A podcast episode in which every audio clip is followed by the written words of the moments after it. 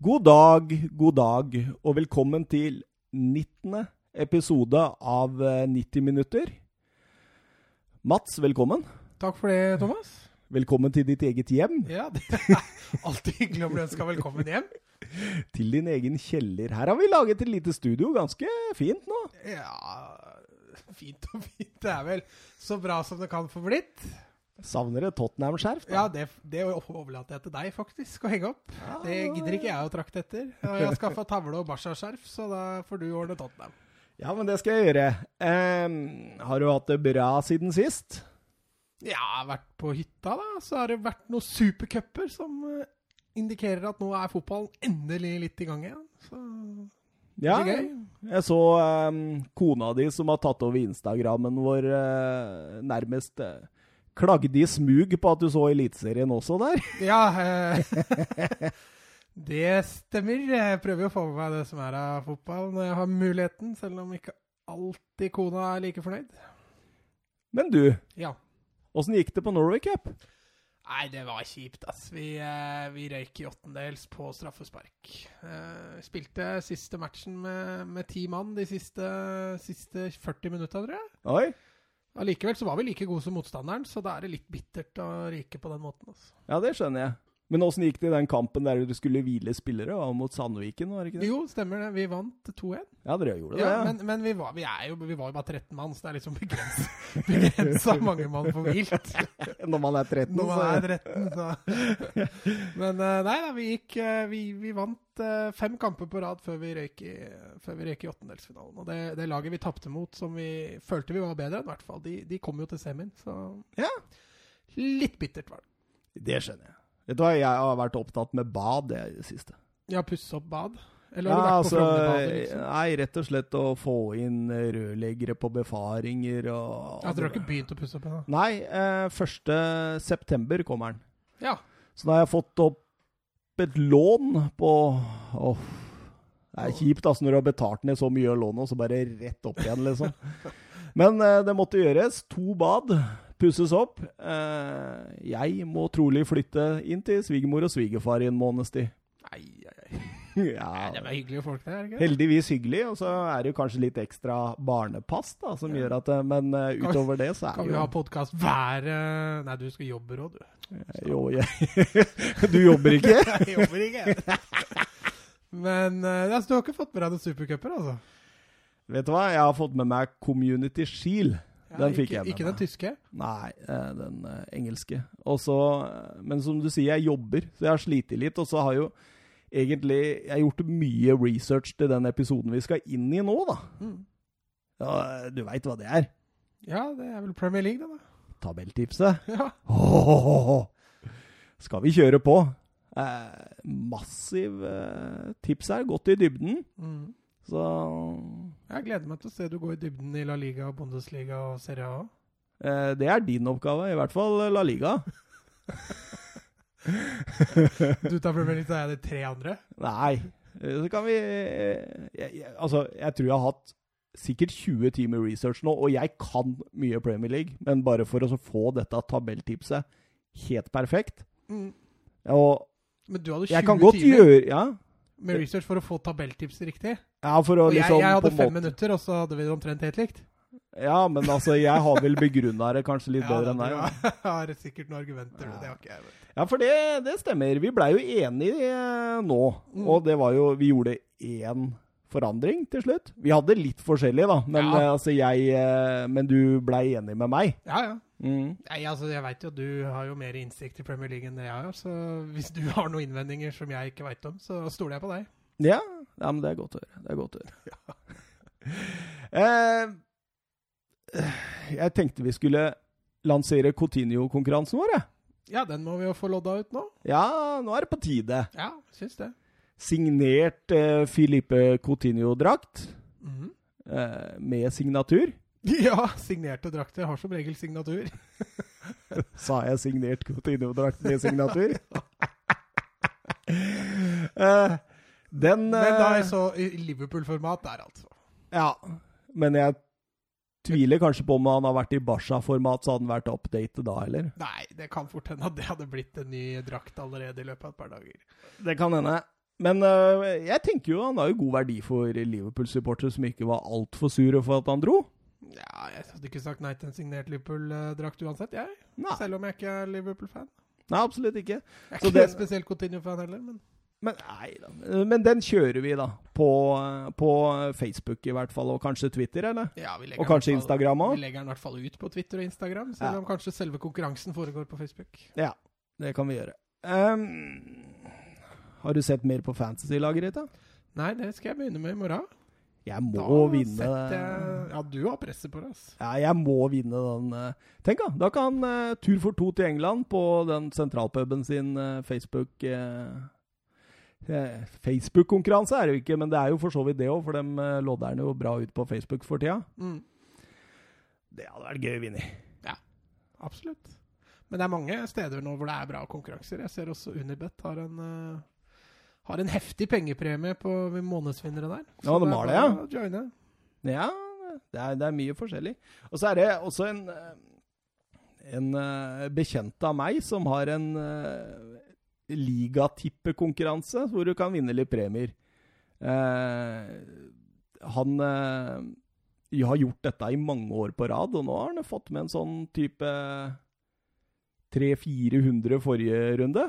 Mm. Og alle setter opp sitt engelske tabelltips. Ja. Og den som kommer nærmest, jeg tror du får tre poeng for hvis du traff akkurat, to én fra og ett to fra, Mm. den eh, kan vinne litt ålreite premier. Og den eh, er gratis å være med i. Du eh, må gå inn på Facebook-gruppa Ligatipping, altså en sånn Hva heter det? Sånn bindestrek. Premier League eh, 2019-2020. Ja. Da, kan du, da får du et eh, dokument. Kan du sette deg ned. Det tipset, det er det. Og så kan du vinne premier, og det er gratis. Ja. Det er kult. Jeg var vel med for to år siden, hvis ikke jeg husker Ja, og du skal være med i år, tror jeg. Ja, kanskje. Ja, jeg tror jeg sender inn det vi har blitt enige om i Ja, dag. det kan, kan fort hende jeg sender inn den samme, så da får vi bare dele premien. Dele premiene. Eh, vi, kan, vi kan sende inn for 90 minutter. Det en god idé. Det kan vi gjøre. Ja, Det gjør vi. det gjør vi. Um, skal vi rett og slett kjøre musikk og begynne, eller? Jeg føler at dette kan ta litt tid. Vi skal gjennom 20 lag. Ja, ja, du har jo 40 sider med research, så vi får kjøre i gang. Vi kjører i gang.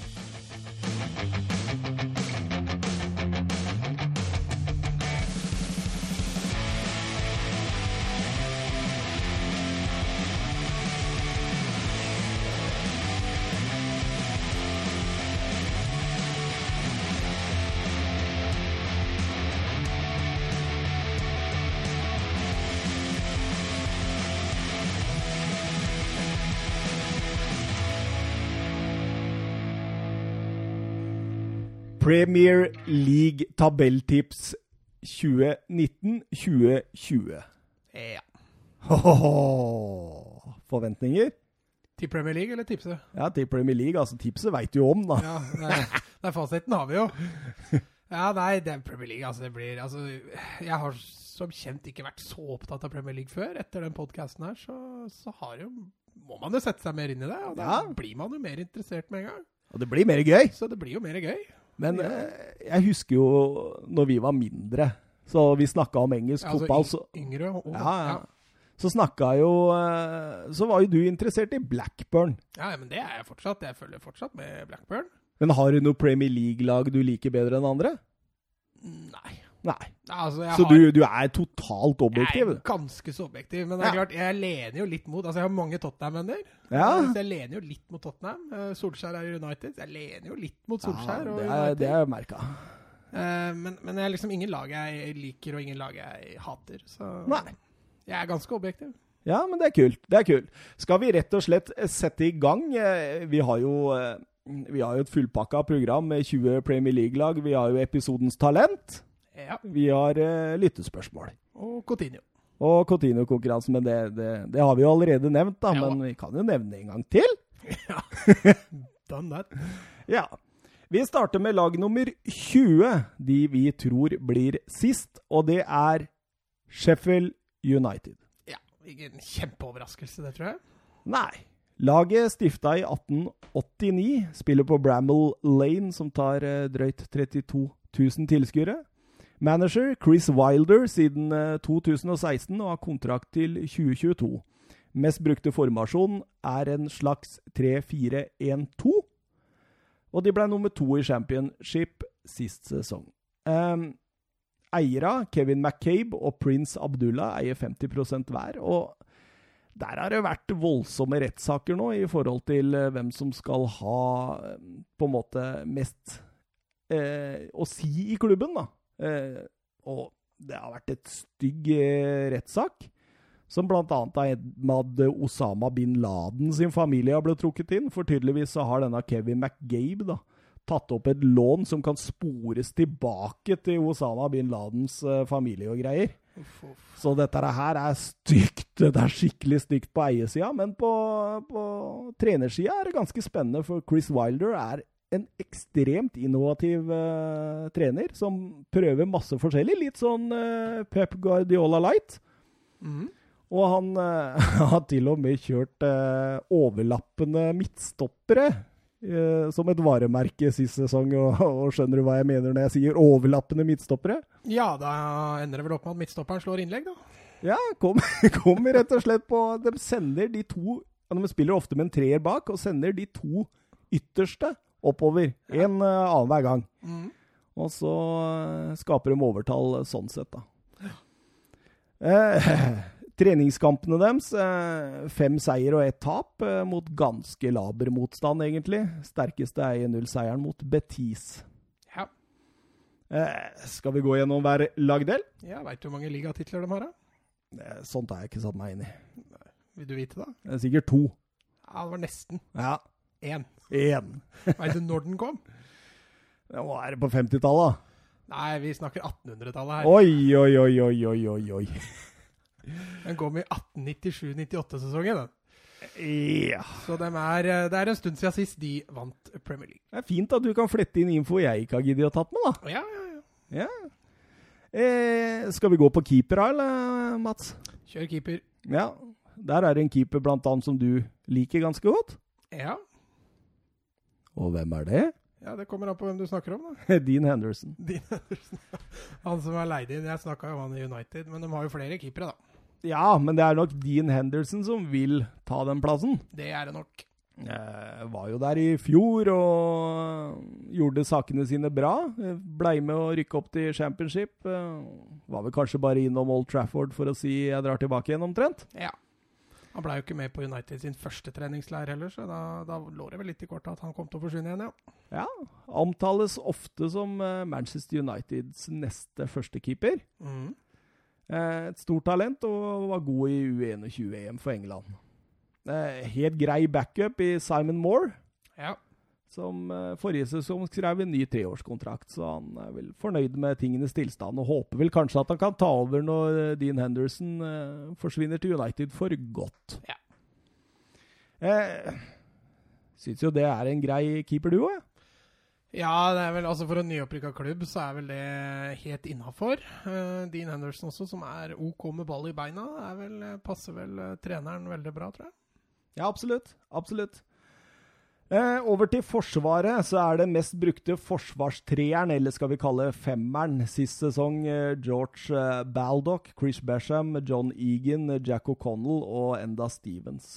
Men nå kommer en gammel helt tilbake, Mats. Ja, Jagielka har returnert. tar vel antageligvis kanskje den, den i midten. Jeg tror ikke han drar på mye overlapp.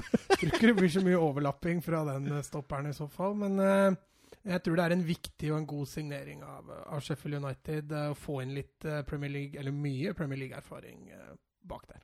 Altså, så fotballromantisk, da. Ja da, absolutt. Nå, liksom, Det er en Sheffield-gutt som vokste opp i Sheffield United, vært tolv år ute, og kommer tilbake. Ja, når Sheffield rykker opp. Ja. Eh, Bredden er vel ikke all verdens der. De har jo gode gamle Richard Stearman, som vi husker fra Han har jo Premier League-erfaring, da.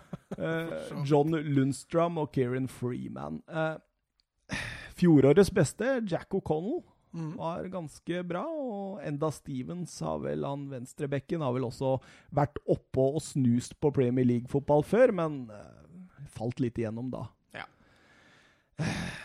Hva tenker du sånn hvis du skal rangere det forsvaret der?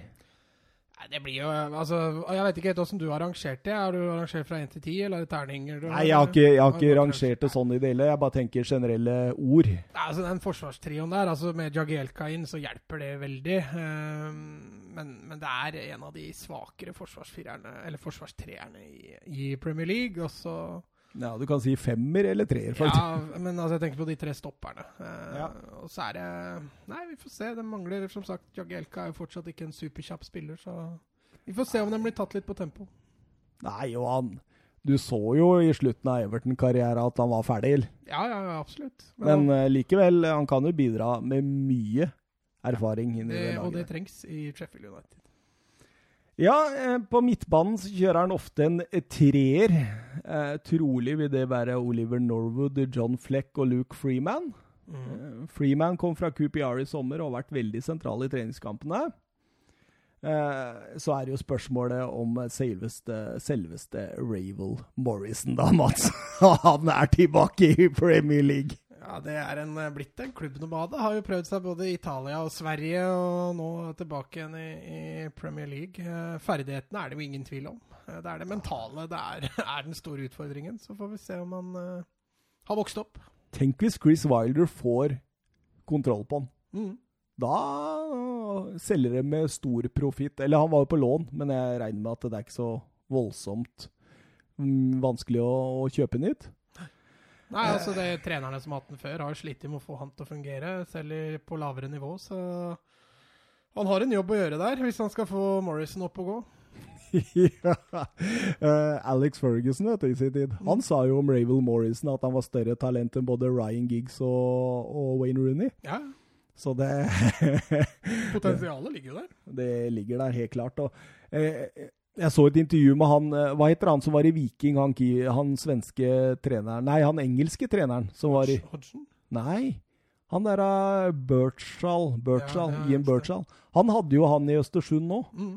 Uh, og han sa det at uh, han var ikke overraska kvalitetsmessig på at noen henta han. Nei, i det hele tatt. For han gjorde ting på treninga der som du knapt nok trodde. Sånn. Men, men det var jo det jeg sa, altså ferdighetene og, og fotballforståelsen og sånn, alt det har han jo. Det er, det er det mentale som er den store utfordringen der. Ja, en uh, hardtarbeidende midtbane. Wilder sti stiller ekstremt krav til arbeidskapasitet på den midtbanen, eh, men nivået er ikke Premier League, altså. Nei, altså midtbanen, altså hvis du ser bort fra Altså om uh, Ravel Morrison skulle lykkes da eller ikke, så, så har de jo ikke forsterka den midtbanen veldig heller. og Sheffield er jo et av de lagene som, som altså Villa og Norwich, da, hvis vi konkurrerer, hvis vi sammenligner med de andre, så har jo de kjøpt en, henta en del spillere. Sheffield de har ikke henta så mye. De satser på spillere som greide å rykke opp. Så blir det spennende å se hva som, eh, hva som lønner seg. Ja, og, hvis de har henta noe, så er det jo stort sett i angrep, eh, Mats. Ja. Billy Sharp, eh, kapteinen, lederen og storskåreren i sesongen de rykka opp, eh, noterte seg for 23 mål i championship. eh, Og var fantastisk. Fant seg aldri helt i rette i Leeds, og, tok den overgangen i 2015, og der har han blitt eh, rett og slett en suksesshistorie fra rutinerte Billy Sharp. Mm. Eh, nye ankommere som Callum Robinson kan være spennende. En eh, Oliver McBurney som kom fra eh, Swansea for rundt 20, tror jeg. Og Liz Mosset som kom fra mm, Bournemouth. Eh, vi kjempa hardt om spilletida. Ja, men igjen, altså, så er ikke dette Det er ikke voldsomt store navn. Eh, har, har ikke innfridd, eller hva skal vi si, har ikke fått prøve seg på det største, høyeste nivået ennå. Eh, så det er jo det som er spørsmålet, om, om, om de greier å ta det øverste nivået. Eh, og det har jo vi våre tvil til når vi setter dem eh, helt i bånn av Premier League. Ja, for stort sett så har de jo henta spillere som har gjort det bra i championship også, når de har henta i Olive Oliver McBurney, som var brukbar for Swansea. 22 mål sist sesong. Og en uh, Callum Robinson da, som hadde 12 mål på 27 kamper for Preston North End, men spilte ofte på venstre side. Ja, altså Når du ser stallen altså, du ser gjennom stallen til Sheffield, så det er egentlig bare Phil Jagielka, Ravel Morrison og for så vidt Dean Henderson da, som, som er kjent for eh, de fleste, tror jeg. Eh, ellers er det mye ukjente navn. og Da er det mer enn én som må spille med over evne for at Sheffield skal holde plassen, tror jeg. Ja, Men se som sagt opp for forsvarsspilleren Jack O'Collen. Han syns jeg virker meget god. Mm. Eh, nei, jeg tror angrepet også. Det blir litt for eh, spett, rett og slett. Det, det, det er Premier League, dette her. Men, men det er kult, da. Eh, Chris Wilder, eh, hvis vi skal gå over på manager, er jo en ekstremt uprøvd manager på dette nivået. da. Han har jo tidligere trent Halifax Town, Oxford og Northampton. Men det er vel med Sheffield United han virkelig har gjort det bra. Ja.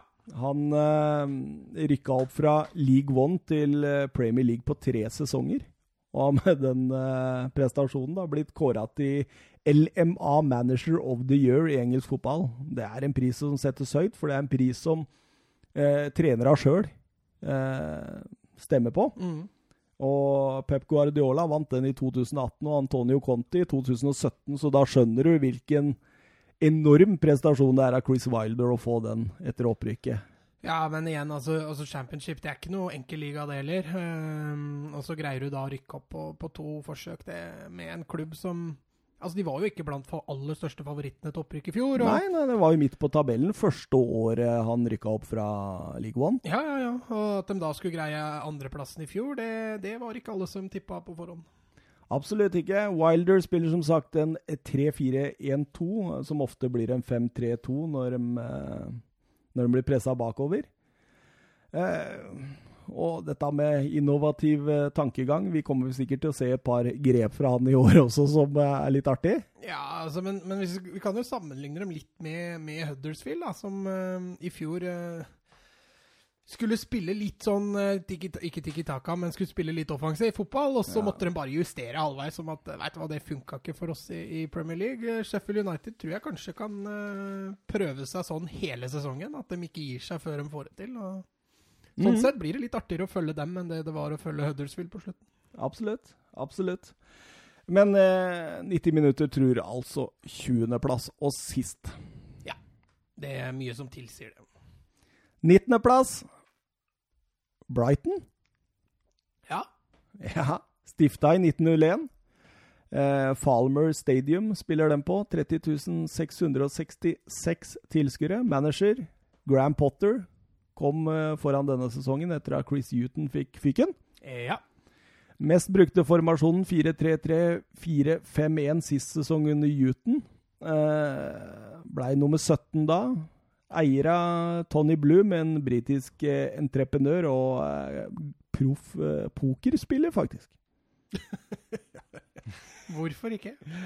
Eh, treningskamper til fire seier og ett tap så langt. 2-1 mot Valencia nylig, etter mål av Duffy og Murray. Tapet kom mot eh, Fulham. Skal vi snakke litt om sparking av Chris Huton, Mats?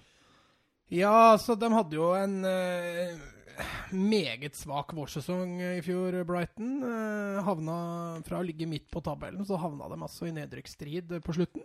Eh, berga seg på tampen, egentlig fordi laga bak ikke greide å vinne så mye. Eh, men eh, Chris Huton var eh, tydeligvis ikke bra nok, det han gjorde, og fikk eh, fyken når sesongen var ferdig. Ja, jeg syns det var litt urettferdig. For et lag som Brighton med de ressursene må jo bare ha mål av seg om å overleve. Og når du tar dem opp og holder dem i to sesonger på rad, så syns jeg det bør holde for en ny kontrakt. altså, Men det kan godt hende eiere var litt sånn OK, vi må utvikle spillestilen, for den blei jo veldig drillosk. Ja, men altså Altså, Brighton ser jo åpenbart ut etter å ta det neste steget nå. Nå har de holdt plassen i, i to sesonger, som du sier. Eh, De vil kanskje gå fra å være et lag som, ikke, som kjemper om nedrykk, til å være et lag som er midt på tabellen. Eh, nå har de kjempa mot nedrykk egentlig to sesonger på rad. Forrige sesong var de ekstremt nære å rykke ned. Og da ser vel kanskje styret og stell at eh, vi trenger en forandring hvis vi skal greie å ta det neste steget. Så vi, blir det veldig spennende å se. Den nye treneren som kom inn, er jo en spennende type. Han hadde jo Østersund i et eh, meget interessant uh, europaeventyr, så Ja, Han holdt på å slå ut Arsenal, Ja, det var nære. det. Så han, han har jo bra erfaring også med, med høyt internasjonalt nivå, så det blir spennende.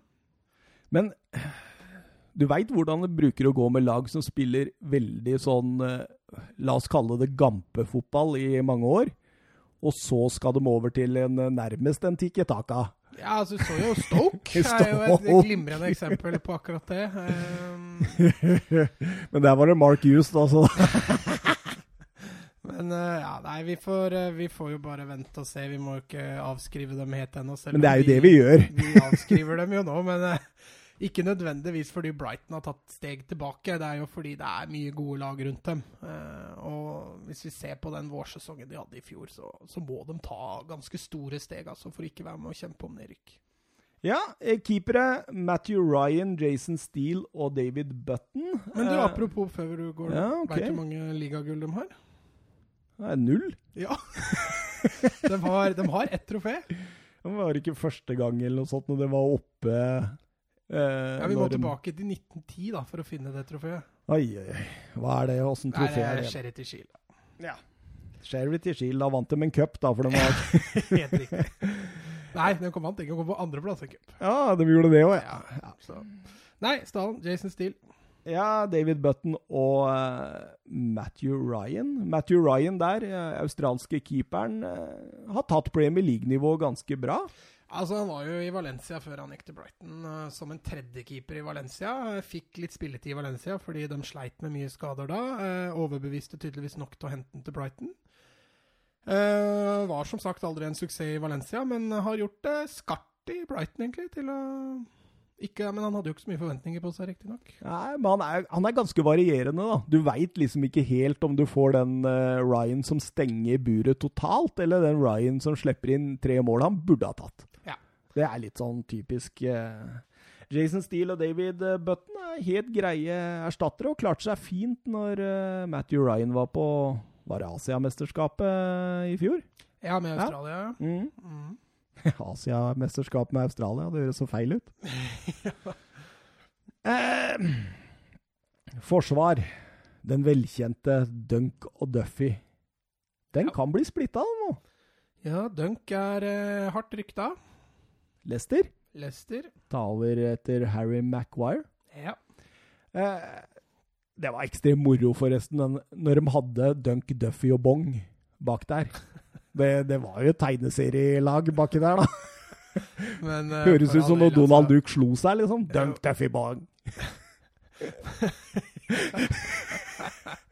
Men eh, nei, det er litt synd at den blir splitta. Det det er eh, et solid midtstopperpar sånn i utgangspunktet, og egentlig en, et veldig bra midtstopperpar sånn Brighton ønsker å spille. Ønska å spille. Ønska å spille, så For hvis de skal begynne å spille ball med Dunk og Duffy baki der, da kan det bli litt verre. da kan det bli slitsomt å være supporter. Eh, Bong mista jo etter hvert venstrebekken sin til Bernardo, som ble henta fra RB Leipzig eh, før forrige sesong, og var veldig god på den eh, backrollen der. Ja, absolutt. Og til høyre finner man en gammel Barca-kjenning i Martin Montoya. Ja, Han hadde jo en OK sesong. I hvert fall høstsesongen i fjor var, eh, Ja, det var bra. Absolutt. Han eh, er med litt framover og sånt. Um, mister dem Dunk, så føler jeg de allerede har erstatta han, da. Så jeg tror det liksom går ganske greit. Adam Webster eh, ble henta fra Bristol City. Eh, 24 år gamle Webster. Eh, 1,91 på strømpelesten. Kosta 20 euro. En stoppetype som er Det er ganske likt eh, Louis Dunk, faktisk. Så de eh, mister jo Altså, en eh, dunk som forsvinner, hvis de går i pluss der sånn, så tror jeg de kan ha gjort en god, god deal. Ja, fordi han Webster Jeg har sett veldig lite av han, men jeg har sett noen kamper. og han, han er litt sånn Ayer-type. altså Han er lang og, og duellsterk, men han er fortsatt ganske bra med kula. Og det, det kan de profitere på da, i forhold til Graham Potters nye spillestil. Ja, Skal vi gå over på midtbanen, eller? ja kjør. Har du noe å si om den? Ja, altså det er, ikke en, det er ikke den sterkeste leddet de eh, har, i utgangspunktet. Jeg mener forsvarsleddet er det sterkeste leddet de har. Så får Mhm. vi se på midtbanen. Ja det, det, det var mye rart der i fjor. Dale Stevens, David Prupper og Yves Posama var vel de som veksla over de to defensive oppgavene på midten. Eh, Bosa, Bisam, Bis, Bisoma er han heter. Han var veldig god på slutten av forrige sesong. Han Han husker jeg tenkte Han kan vi hente til Tottenham. Det var før jeg innså at eh, en Dombele var realistisk. Ja, ja, ja. Men han eh, var jo en av få som hadde en bra vårsesong i Brighton. Ja. Husker du når de slo Arsenal, og han lo seg i hjel? Ja, ja, ja. Det var da du tenkte at dette er en bra Tottenham-signering. Eh, Pascal Gross har vel det kreative ansvaret på midten der. Ja, Han er bra. han er solid. Ja, han er solid. Og stort sett har det vært eh, Solly Mars og Anthony Knocker som har tatt eh, bredden, men Knocker er lånt ut til Fulham nå, så da blir det vel en ny sjanse da, for han Ali Reza Yahambach. Mm. Iraneren eh, kom jo med et overgangssum som var et busslass av penger etter VM i 2018 der. Ja, Og eh, presterte ikke voldsomt, men Potter kan vel kanskje ha litt tro på han, da. Ja, han har jo fått bli, i hvert fall. Så får vi se. Han har jo ålreite ferdigheter, så det blir spennende å se om han slår gjennom.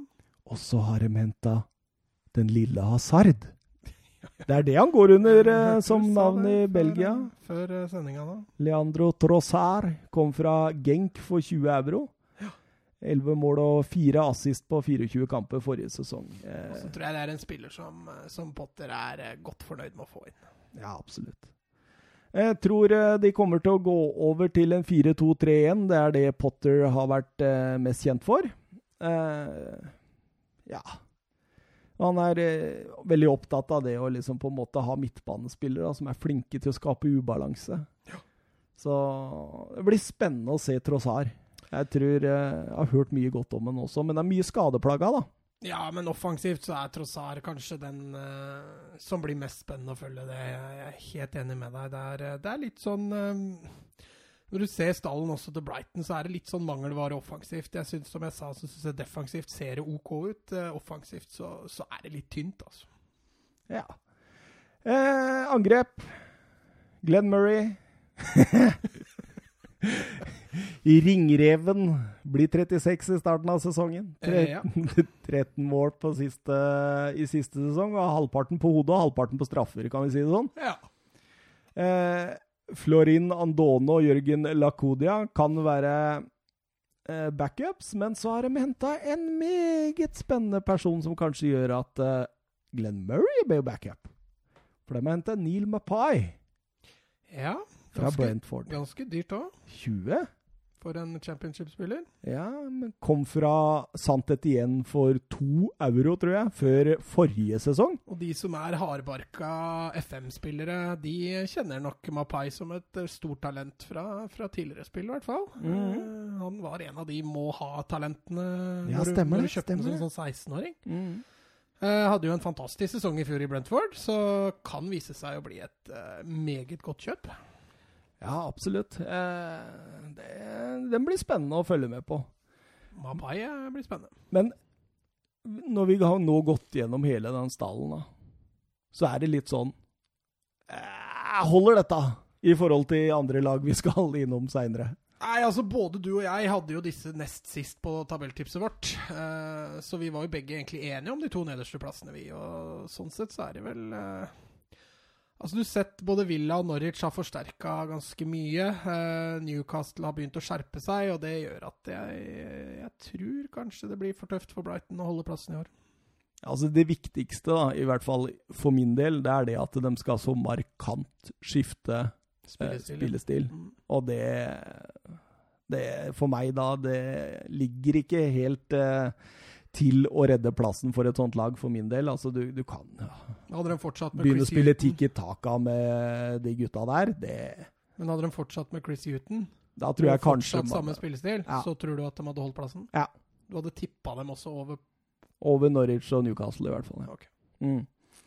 Eh, Graham Potter, da, som tar over dette laget, sjokkerte jo fotball-Europa med Østersund eh, for et par sesonger siden, da han spiste kirsebær med de store. Galatasaray, Bilbao og Arsenal sleit alle.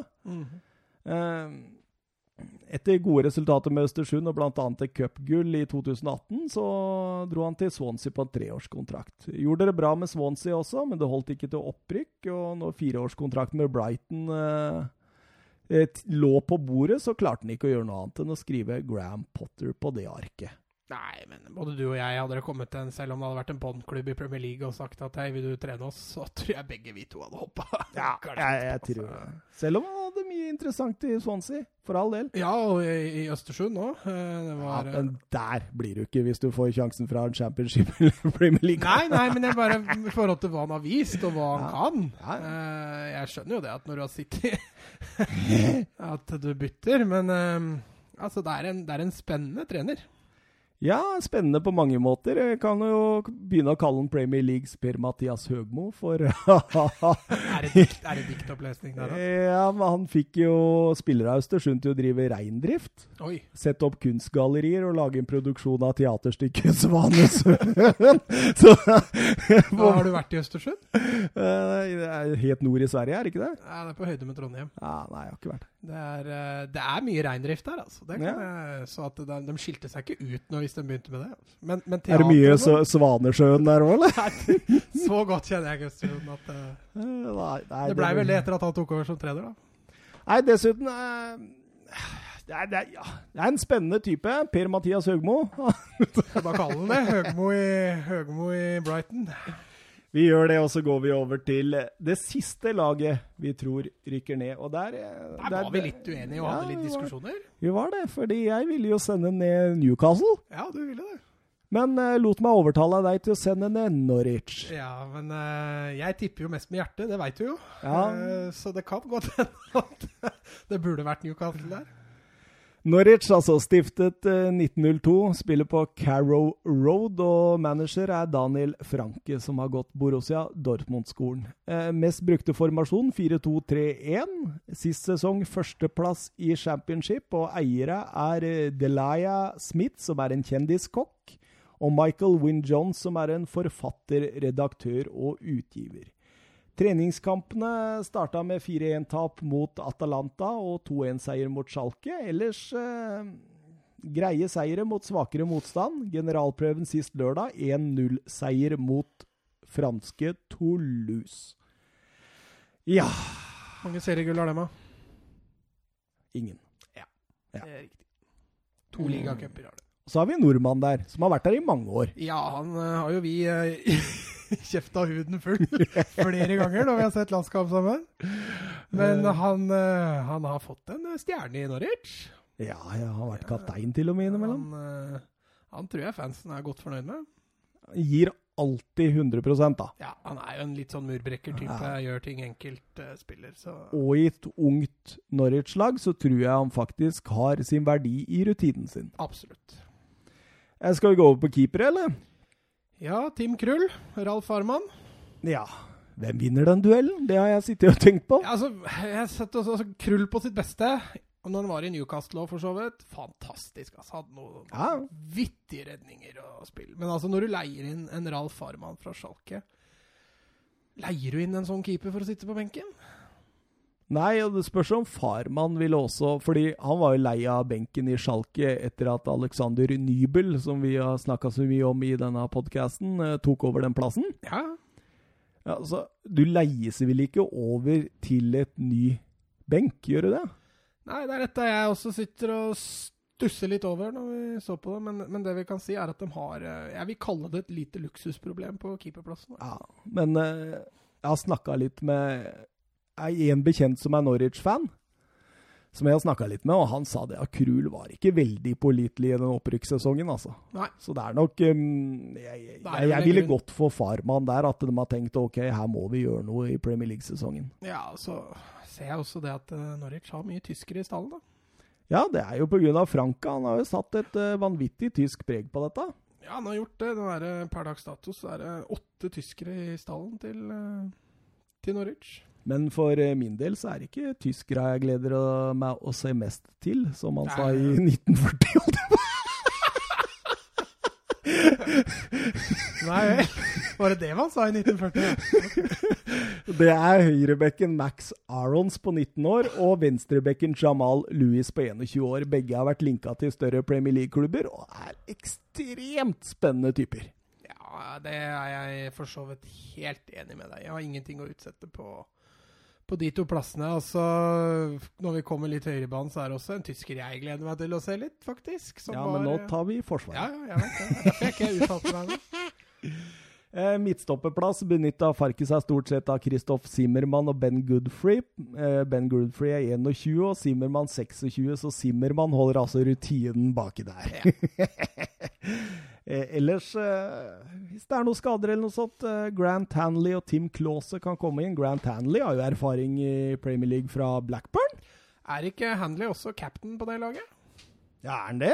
For han er jo ikke- han på Wikipedia, i hvert fall. Ja, Du må ikke stole på Wikipedia. Det, det fant vi ut i den episoden hvor jeg ansatte holdt jeg på å si, som sa at Klopp sin assist hent var Bovac. Men eh, nei da. Men eh, de har i hvert fall litt dekning på, på stoppeplassen. Ja, de har det. Og så har de jo en Marcel Franke. Er det sønn, eller? Det veit jeg ikke, altså. Det har jeg ikke sjekka opp. Nei, det har ikke jeg heller. Sannsynligvis er det mange franke i, i, i Nei, Det verden. kan godt hende det er sønnen hans som er henta opp i stallen der. Ja Er det på midtbanen du gleder deg til å se en tysker, eller? Ja, det er en Morris Leitner. Jeg husker for de som var Dortmund Eller jeg er jo fortsatt litt sånn Skap-Dortmund-fan. eh, Og en Leitner som var den som Nå begynner jeg å snakke fem-seks år siden, men han, han var jo en av de lovende gutta opp under Klopp. Og slo aldri gjennom. Gikk vel til, Dortmund, nei, til Norwich for tre år siden. Uh, har vel aldri slått helt gjennom. Nei.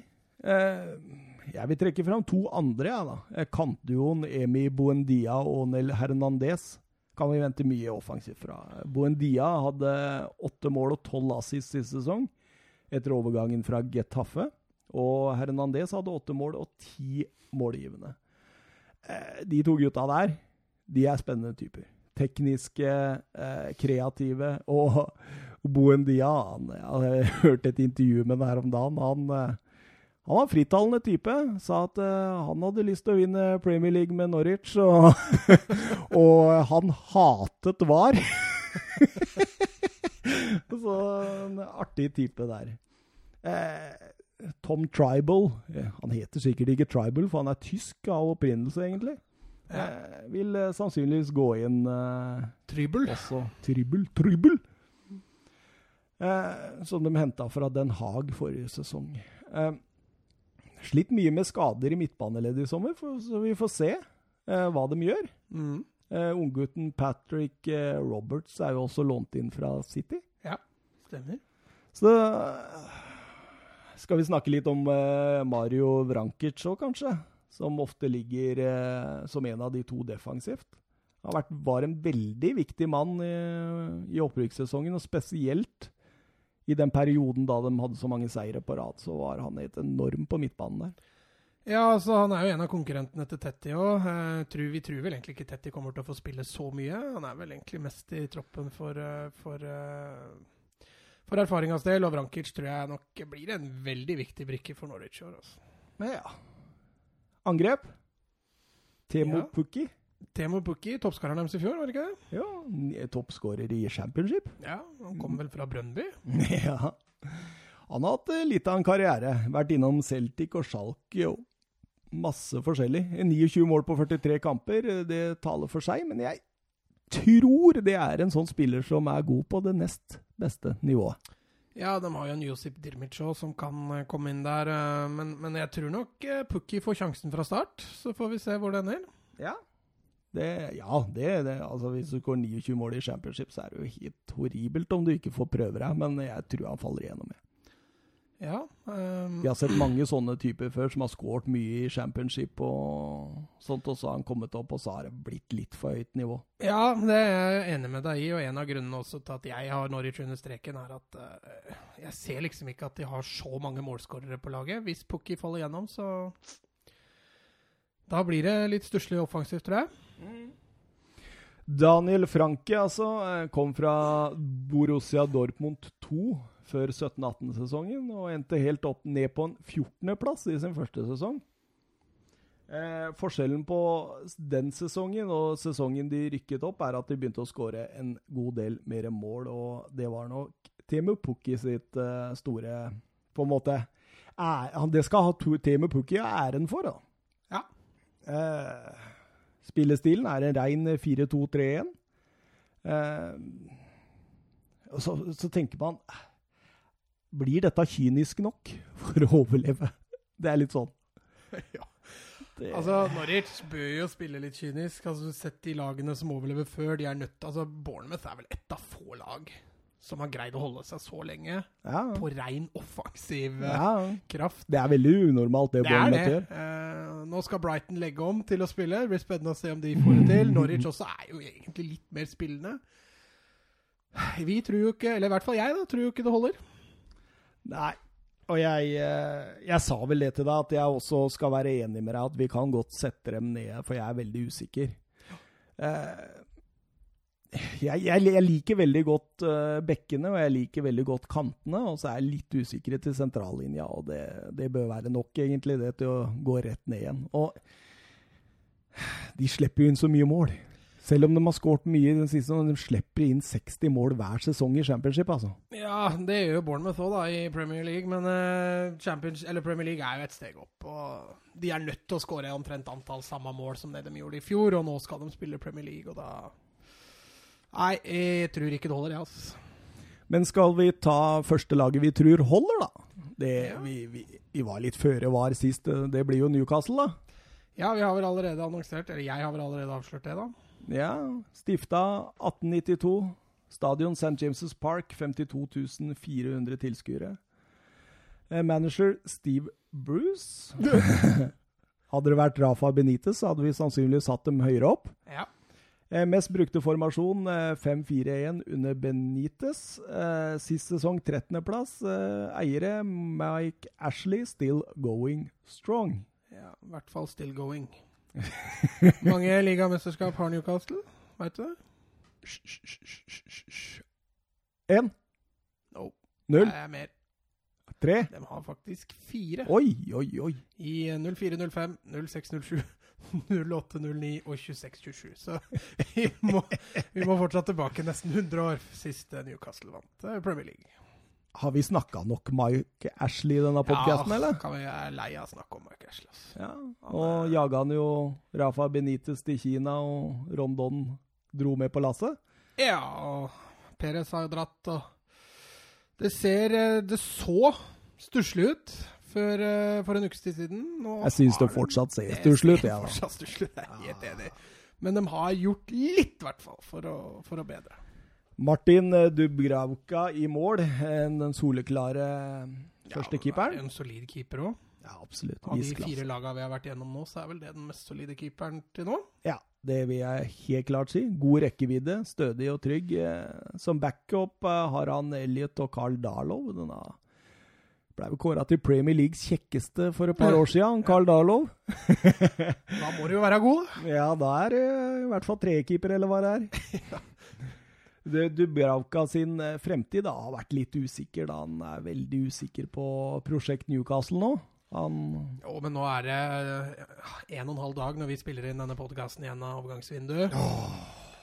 Jeg tror ikke han drar noe sted. Nei, han blir nok. Og det Så- kan være, vise seg å være veldig viktig. Det kan vise seg å være verdt eh, Premier League-plass. Forsvaret, Fabian Skjær og Jamel Lacelle, to gode stoppere der. Ja, de beste stoppeparet til nå. ja. Og på hver sin bekk vil de trolig få De André Jedlin på høyre og innlånte Jetro Williams på venstre. Ja, også et av de to bedre bekkene, i hvert fall til nå. Ja, under Norwich, mener jeg, da. Ja, si. kanskje under Norwich. For så vidt enig. Eh, Dømmet fikk jo også prøve seg en del på venstre bekken i fjor, og også Matt Ritchie, så det er klart det at eh, ja, å få inn uh, Jetro Williams med 22 kamper på, fra Eintracht Frankfurt uh, på et lån der, det tror jeg var ganske viktig.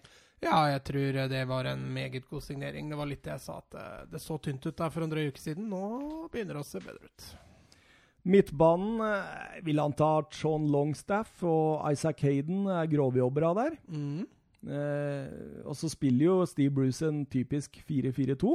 Ja. Så jeg tror, i mangel på angrepsspillere, at eh, vi må flytte Miguel Almiron opp som en sånn hengende spiss. ja. Og at eh, Matt Ritchie tar den ene kanten, og eh, denne nye Maximin fra NIS, Faten, 18, tar den andre. Ja, så har du Joe Linton, da. Han har vært Han er spiss. mm, Han er spiss. Du snakker om kanter, du nå. Ja, kanter og, jeg snakker om eh, kantene i fireren på midten. Ja, riktig. Stemmer. Eh, ellers så har vi også Christian Atsu der, da, som kan eh. Han også var, hadde jo noen gode matcher i Ja, fjor, så han, ja. han eh, må ikke avskrive han helt. Men han eh, Ja, nei, det blir spennende. Nei, det blir eh, veldig spennende å se åssen han komponerer dette. Men eh, Jack Colback òg. ja, Skal ikke glemme han. Nei, det, han glemmer vi faktisk. han glemmer vi. Eh, for hvis vi går opp til angrepet der, da, så har jo Rondon forsvunnet til Kina. Ja, For å få litt mer i spenn. det er et tap. Ja, det er jo et tap, for han var jo god for Han var- Newcastle. ja. Eh, inn har det menta 22 år gamle Jo Linton fra Hoffenheim for 44 euro. Ja, det er stort kjøp. Ja, og han er litt sånn eh, Firmino-type. Han blei jo henta til Hoffenheim når Firmino gikk til Liverpool, Ja, som en altså, erstatter. Nå har ikke jeg sett noen Newcastle-treningskamper, men jeg har fått med meg at han har skåret i stort sett hver eneste kamp han har spilt. Mm. Eh, så det lover jo for så vidt bra. Eh, så blir det spennende å se når sesongen begynner, for jeg tror mye offensivt kommer til å hvile på hans sine skuldre. Ja, og det er det jeg tenker litt, jeg òg, fordi de kaster veldig mange egg i Jolinto-kurven her. Ja, så får vi Ja. håpe han greier å balansere den kurven. For backupen så langt er Joselu og Mutu. Muto. Han er av japaneseren, vet du. Og Ja, men det Joselu er vel borte, han er vel ikke der lenger? er han ikke? Han tror jeg er tilbake igjen i, oh, i La Liga? I, La Liga. Oh. Så de har eh, Men det er litt, det er litt tynt på topp der etter at de eh, solgte både Perez og, og Rondon. Uh, Ja. Jo Linton eh, Og jeg tror kanskje også Almiron kan få en uh, mye mer offensiv hengende Jeg tror det blir Almiron ja, som flyttes opp. Men da, da vil de jo igjen da få disse to møtende spissetypene, så Ja. Nei, det er eh, Altså, det Det er vel Maximin og, og Atsu, eventuelt uh, Ritchie, da, som skal gå på dypt når de kommer møtende. Ja. Altså, Litt av grunnen til at jeg tror egentlig vi begge to tviler litt på Newcastle, for du ser stallen til Newcastle i mine øyne er bra nok til å holde seg. Men det som gjør at man tviler på Newcastle, er jo Steve Bruce. Altså, han, Ja. han Det er ikke så mye å stole på der, altså. Jeg eh, sa det der før eh, vi satte i gang episoden her, at Steve Bruce han har hatt tre rivaler nå. Det er ganske vilt. Ja, Hvor han har hatt lagene på begge sider av rivaliseringa, ja. Ja, ja. Sheffield Wednesday og Sheffield United, Aston Villa og Birmingham og Sunderland og Newcastle. Spesielt. Så har han jo rykka ned i øst og vest med Birmingham og Hull, og han har jo også, også sagt at eh, taktikk, det bryr han seg ikke noe om.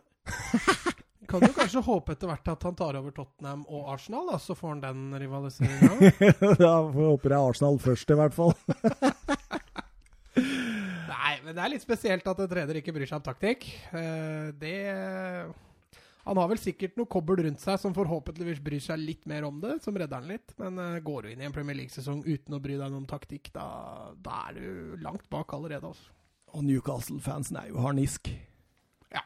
Og det er ikke så rart. Det hadde jeg vært òg. Jeg eh, eh, jeg husker eh, altså fra den tida hvor jeg virkelig fulgte med Premier League, når Blackburn var der oppe, og, og Newcastle og United kjempa, og Keegan var coach i Newcastle, så, så hadde jeg litt medfølelse for Newcastle. Så det er litt trist å se den klubben, hvor den klubben er nå, egentlig. Ja, det, Og jeg føler absolutt med dem. Altså. Steve Bruce er ikke, er ikke noe reddende engel, det. altså. det er ikke det. Og det er derfor jeg tror faktisk at de kan rykke ned, men vi har satt dem akkurat sånn at de holder seg nå, da. Ja, altså Det var jo den største diskusjonen vi hadde rundt dette Premier League-tipset, var jo om Newcastle skulle holde seg eller ikke. Eh, så får vi se. Jeg tror stallen til Newcastle rett og slett er litt for god til å rykke ned. Nå er det mange som har sagt det før og rykka ned, men uh, Nei, vi får se. Jeg har sagt at Bruce får sparken, og så kommer inn en annen trener og redder uh, Men du, det, er, det er klart, da. Hvis du er kokk, og så har du verdens beste råvarer foran deg, så vil du lage en god matrett. Ja, uansett hvor dårlig du er. Uansett hvor dårlig du er. Men hvis du er meg og deg, da, og får de rettene, holdt jeg på å si, de eh, råvarene foran deg, så vil du jo ikke imponere hvem som helst. Nei. Og det er der Steve Bruce er. Ja, det var et meget, har- god, det var et meget godt bilde, Thomas. Han har gode råvarer. Eh, spennende råvarer. Men han kommer jo til å, å mikse salt og sukker og kanel og alt på en gang, ikke sant? Så det kommer til, det kommer til å gå dårlig. Ja, at det går dårlig, det er vi jo begge enige om. Eh, men så er jo det store spørsmålet om de kommer rett over eller rett under eh, streken. Men stakkars Newcastle-fans. Nå får de Steve Bruce, som har snakka nedlatende om, United, om Newcastle United før. Han, eh, de, de, de satt i sommer de og trodde på et oppkjøp på Kylian Mbappe og Mourinho som trener omtrent. Uff, det er så tungt! Ja, det blir tungt. Eh, Og Newcastle-fansen, som er ganske dedikerte folk. Mm. eh, Og St. James' Park, som er et eh, Fort. frykta sted å komme til. Og så Nei. Hvis det er et sted man unner litt bedre ting, så er det vel egentlig nord i England, i Newcastle. Aston Villa har vi på en 16.-plass. Ja øh, Det jo nyopprykka laget, da. Det er noen spennende. som og det blir den andre nordmannen vi har i, har i Premier League. Så spørs det hvor lenge vi har han der. For han er vel mye han får spille. Ja, han blir vel lånt ut, tror jeg. Eh, stifta 1874 faktisk, og var en av tolv klubber som starta The Football League i 1888. Mhm. Eh, Stadio Villa Park, manager Dean Smith med John Terry som assistent, som jeg snakka med ham. Mhm. Mest brukte formasjon eh, 4-1-4-1 eller en eh, 4-3-3. Sist sesong femteplass i championship og rykka opp etter playoff-finale hvor de slo Derby. Ja. Eiere er eh, Nasif eh, Zaviris, en eh, egyptisk mangemilliardær, og Wes Edens, som er en eh, engelsk forretningsmann. Eh, treningskamper eh, Grei motstand. eh, fire av fire, eller fem av fem mulige, var det vel kanskje til slutt, når de slo eh, RB Leipzig eh, på lørdag. ja, det var imponerende. Ja, absolutt. Tom Heaton fikk da den plassen mot RB Leipzig, kommet fra Burnley, og gjør den keeperplassen til sin, det er jeg ganske sikker på. Ja, nå har ikke jeg sett uh, så veldig mye startoppstillinger til Villa i, i sommer, men uh, har Ørjan Nyland fått spille noe særlig? Nei, nei, nei, nei. han blir lånt ut. Han er ferdig. Han er ferdig, mann. Han er uh, det blir nok Heaton i mål. Også Jed Stair hadde en fin sesong i, i opprykkssesongen og vil sannsynligvis ta den uh, annenkeeperrollen. Jeg syns det ser bra ut, faktisk. Heaton har jo hatt noen enorme sesonger i Burnley. Ja, Heaton er, han er jo en solid keeper, vi kan jo Ja, si det. Uh, Rutinert og god. ja, ja, altså Der tror jeg Villa har gjort noe faktisk meget lurt. Altså. Forsvar, den store akilleshælen for uh, Aston Villa i fjor, da de slapp inn eh, 61 mål i championship. Uh, det har gjort at Dean Smith har hentet et ras av forsvarsspillere. Forståelig. Eh, Tyron Mings, som var på lån i opprykkssesongen, er casha ut nå. 22 euro. Eh, trolig danner han stopperduo med nyankomne Bjørn Engels eller eh, Konsa, som begge to er nytt blod fra henholdsvis Rem og eh, Brentford. Ja. På venstrebekken nyinnkjøpte Matt Target fra Southampton. Ja, Eh, den blir jo spennende, den. Ja, tapte til slutt duellen med Ryan Barton der. Mm. Så eh, Han eh, gjør tror jeg vil gjøre ganske bra. Og så har de også fått en høyrebekk som er veldig spennende. En ekstremt offensiv spiller i eh, Fredrik Gulbert, mm. som ble henta i januar fra, fra Cannes, men sendt direkte tilbake på lån, og har vært god i preseason nå. Mm. Jeg tror han har fem assist, nei, tre assist jeg, på de fem uh, treningskampene. Ja, altså bekkene til, til Aston Villa syns jeg ser, ser eh, lovende ut. Eh, både Target og, og Gilbert, og så har de også El Mohammedi, som kan komme inn og være, Ja. være i backup. Eh, så bekkene tror jeg kan være bra. Stoppeplassen litt sånn tvilsom til. Eh, de har jo også en James Chester, eh, gode ganger. De har jo riktignok litt bredde der, men om kvaliteten er bra nok Bjørn Engels kjenner jeg litt for dårlig til, så jeg må Han var god i Klubb Rygge, husker jeg. Eh, Ja, men belgisk serie og Premier Ja. League, det er, eh, det er et stort hopp, altså. Det er det. Eh, midtbanen eh, Villa har en småsexy midtbane. Ja, det er jeg helt enig med deg i. Åh, jeg gleder meg til å se den, faktisk. Jack Grealish på, det beste, på sitt beste, sånn han var i fjor. Ja, det er en spiller jeg er glad i, rett og slett, Ja. så den, den blir spennende. jeg gleder meg til å se den i Premier League nå. Jeg tror han kommer til å eksplodere ut av startblokka. Ja, for så vidt enig.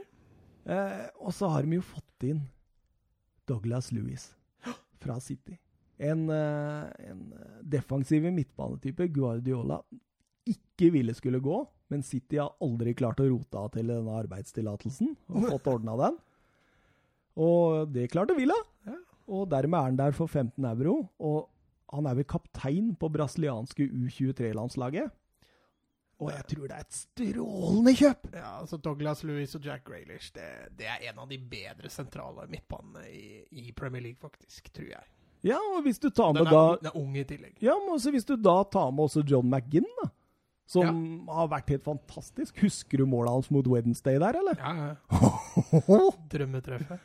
Å, fytti rakkeren. De som ikke har sett det før, søk på YouTube uh, John McQueen mot Sheffield Wednesday. Ja. Det var åh. Nei, den midtbanen der, den er nydelig. De har vel uh, Anwar El Ghazi på den ene kanten, som uh, var der på lån i fjor. Mhm. Og tok den rollen bra og gjort permanent. Og nyinnkjøpte Therese G. Det er et navn som eh, ringer i bjellene, i hvert fall. Så får vi se om han innfrir. Ja, kjøpt for 10 millioner euro fra tyrkiske Kasim Pasa. Egypt, egypter, faktisk. Ja, med navnet Therese G. Mm. Litt sånn, eh, altså uten å sammenligne, eh, litt lik eh, Salah. Mm. Mm, uten å sammenligne. Uten sammenligning for øvrig. Og så har de også henta en eh, defensiv type. En Jeg ler av det fornavnet. Marvelous. Marvelous Nakamba. Det er jo mye artige navn fra Afrika, da. Innocent og Sunday og Friday, og det er var du gjennom hele førsteoppstillinga til Lillestrøm i sin tid der. Ja, ja, men Nei, det er, det er mye artige navn derfra. Så innfrir like mye som navnet sitt, så blir det morsomt. Så den midtbanen der syns jeg er ekstremt spennende, og det er den midtbanen som gjør at jeg tror de holder seg. Ja, jeg er helt enig. Så har de jo også en Birker Bjarnarsson i bakhånd. Ja, de har det òg, ja. Ja. Stemmer det. Stemmer det. Jeg tror det er i bakhånd òg. Ja, det tror jeg blir i bakhånd. Jeg ser ikke hvem han skal greie å danke ut på den midtbanen. Tammy Abraham, spiss, eh, blir trolig savna. Jeg tror han blir veldig savna. Ja, jeg veit ikke. De har henta inn eh, Wesley fra klubb Brygge for 25 som erstatteren. Mm. Eh, voldsomme tall i Belgia, men eh, og spiller veldig mye på hurtighet og balanse som sine to store forser. Mm. Eh, så får vi vente og se, da. Blir han en hit eller ikke? Det er helt umulig å spå, faktisk. Ja, det er altså henta spillere fra Nederland og Belgia før som enten blir en suksess eller flopp. Ja. Så det, det er ikke så lett å spå akkurat den. altså. Eh, Jonathan Kodja, som noterte seg for ni forrige sesongen, vil nok bli en backup til Wesley, tenker jeg. Det blir en slags eh, 4-3-3, 4-5-1 eh, som kan gjøres om dit. Ja, i hvert fall, hvert fall til å begynne med så blir han backup. Wesley får nok sjansen fra, fra start, og så får vi se om han innfrir. Ja. Eh, manager Dean Smith eh, har eh, rukket å få en høy, høy stjerne i, hos Villa-fansen nå. Eh, skal sies at han hopper jo ikke etter Wirkola. De har hatt mye rart, eh, Aston Villa, de siste åra. Ja, Villa var jo et av lagene som De har bare rykka ned fra Premier League én gang. Eh, så det litt, eh, var litt synd, det òg. De hadde jo en stolt historie. De har en stolt historie. Vet du hvor mange Ja. Premier League-gull de har? To. Å nei, du. Må høyere enn det, gitt. Oi, oi, oi. Sju. Sju, faktisk. Det er, det er imponerende. Jeg visste det. Er jo et fantastisk eh, det, Bare Aston Villa, det klinger jo. Men nå skal det jo også sies at fem av dem var tatt på 1800-tallet. Eh, Ja, så det var to var egentlig ja, så det seneste i 1980-81-sesongen, faktisk. Så det er, eh, det er ikke Ja. mer enn eh, 40 år tilbake i tid vi må. Da var jeg ett år gammel. Det, Det burde du huske. Eh, ja, som sagt, så Dean Smith han hoppa jo ikke etter Wirkola. Han har jo hatt eh, Tim Sherwood, Remi Gardet, Matteo Di Mat eh, Roberto Di Matteo Matteo Di Matteo. og Steve Bruce som sine forgjengere. Nei, ingen, det er av de, ingen av de var Wirkola, faktisk. Det er bekmørkt. Ja, det er tynn suppe. Eh, men eh, Dean Smith eh, blir spennende. Ja, Blir det- veldig spennende. Vi har trua på dem, vi. Vi har trua på dem. Vi har trua at eh, de eh, klarer seg i år og kan stabilisere seg neste år. Ja, den historien Ville har i tillegg. Jeg, jeg, er ganske sikker faktisk på at de holder seg. Skal vi gå over til 15.-plassen? Ja. Crystal Palace. ja, da er vi over på den eh, første London-klubben, faktisk, av, av fem. Ja. Eller mange er det? Er det fem eller seks? Jeg har ikke telt over, men det er nok. ja. Det er i hvert fall seks, faktisk. Det er i hvert fall ett for mye i Nord-London. Det kan du være enig om. Stiftet eh, 1905 Stadio Sellers Park. Eh, manager Roy Hodgson. Mest brukte formasjon eh, Han varierer så sinnssykt, så jeg har satt opp en haug her. Eh, sist sesong nummer tolv. Eiere Steve Parish med to amerikanere, Harris og Blitzer. Eh, mye snakk om at klubben har vært i salgs de siste årene. Eh, forferdelig oppkjøring med mange tap mot dårlig motstand. og eh, Det hjalp litt på med 5-0 mot Bristol City for en uke siden, men det har vært tynn suppe, det der. altså. Ja, eh, mange Premier League-gull tror du de har, da? Null. Ja. Beste Premier League-plassering? Sju. Ti Oi da. i 2014-2015.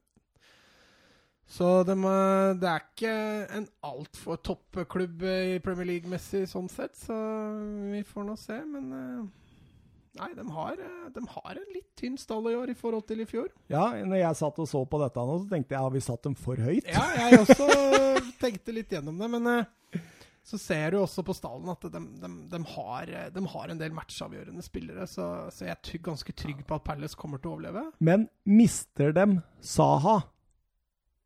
Ja, i hvert fall nå. Ja. To dager, eller en og en halv dag før overgangsvinduet stenger. De får ikke inn en fullverdig erstatter der, vet du. Da kan de faktisk blande seg helt ned i Ja. nedrykks... eh, Det er jeg helt enig med deg.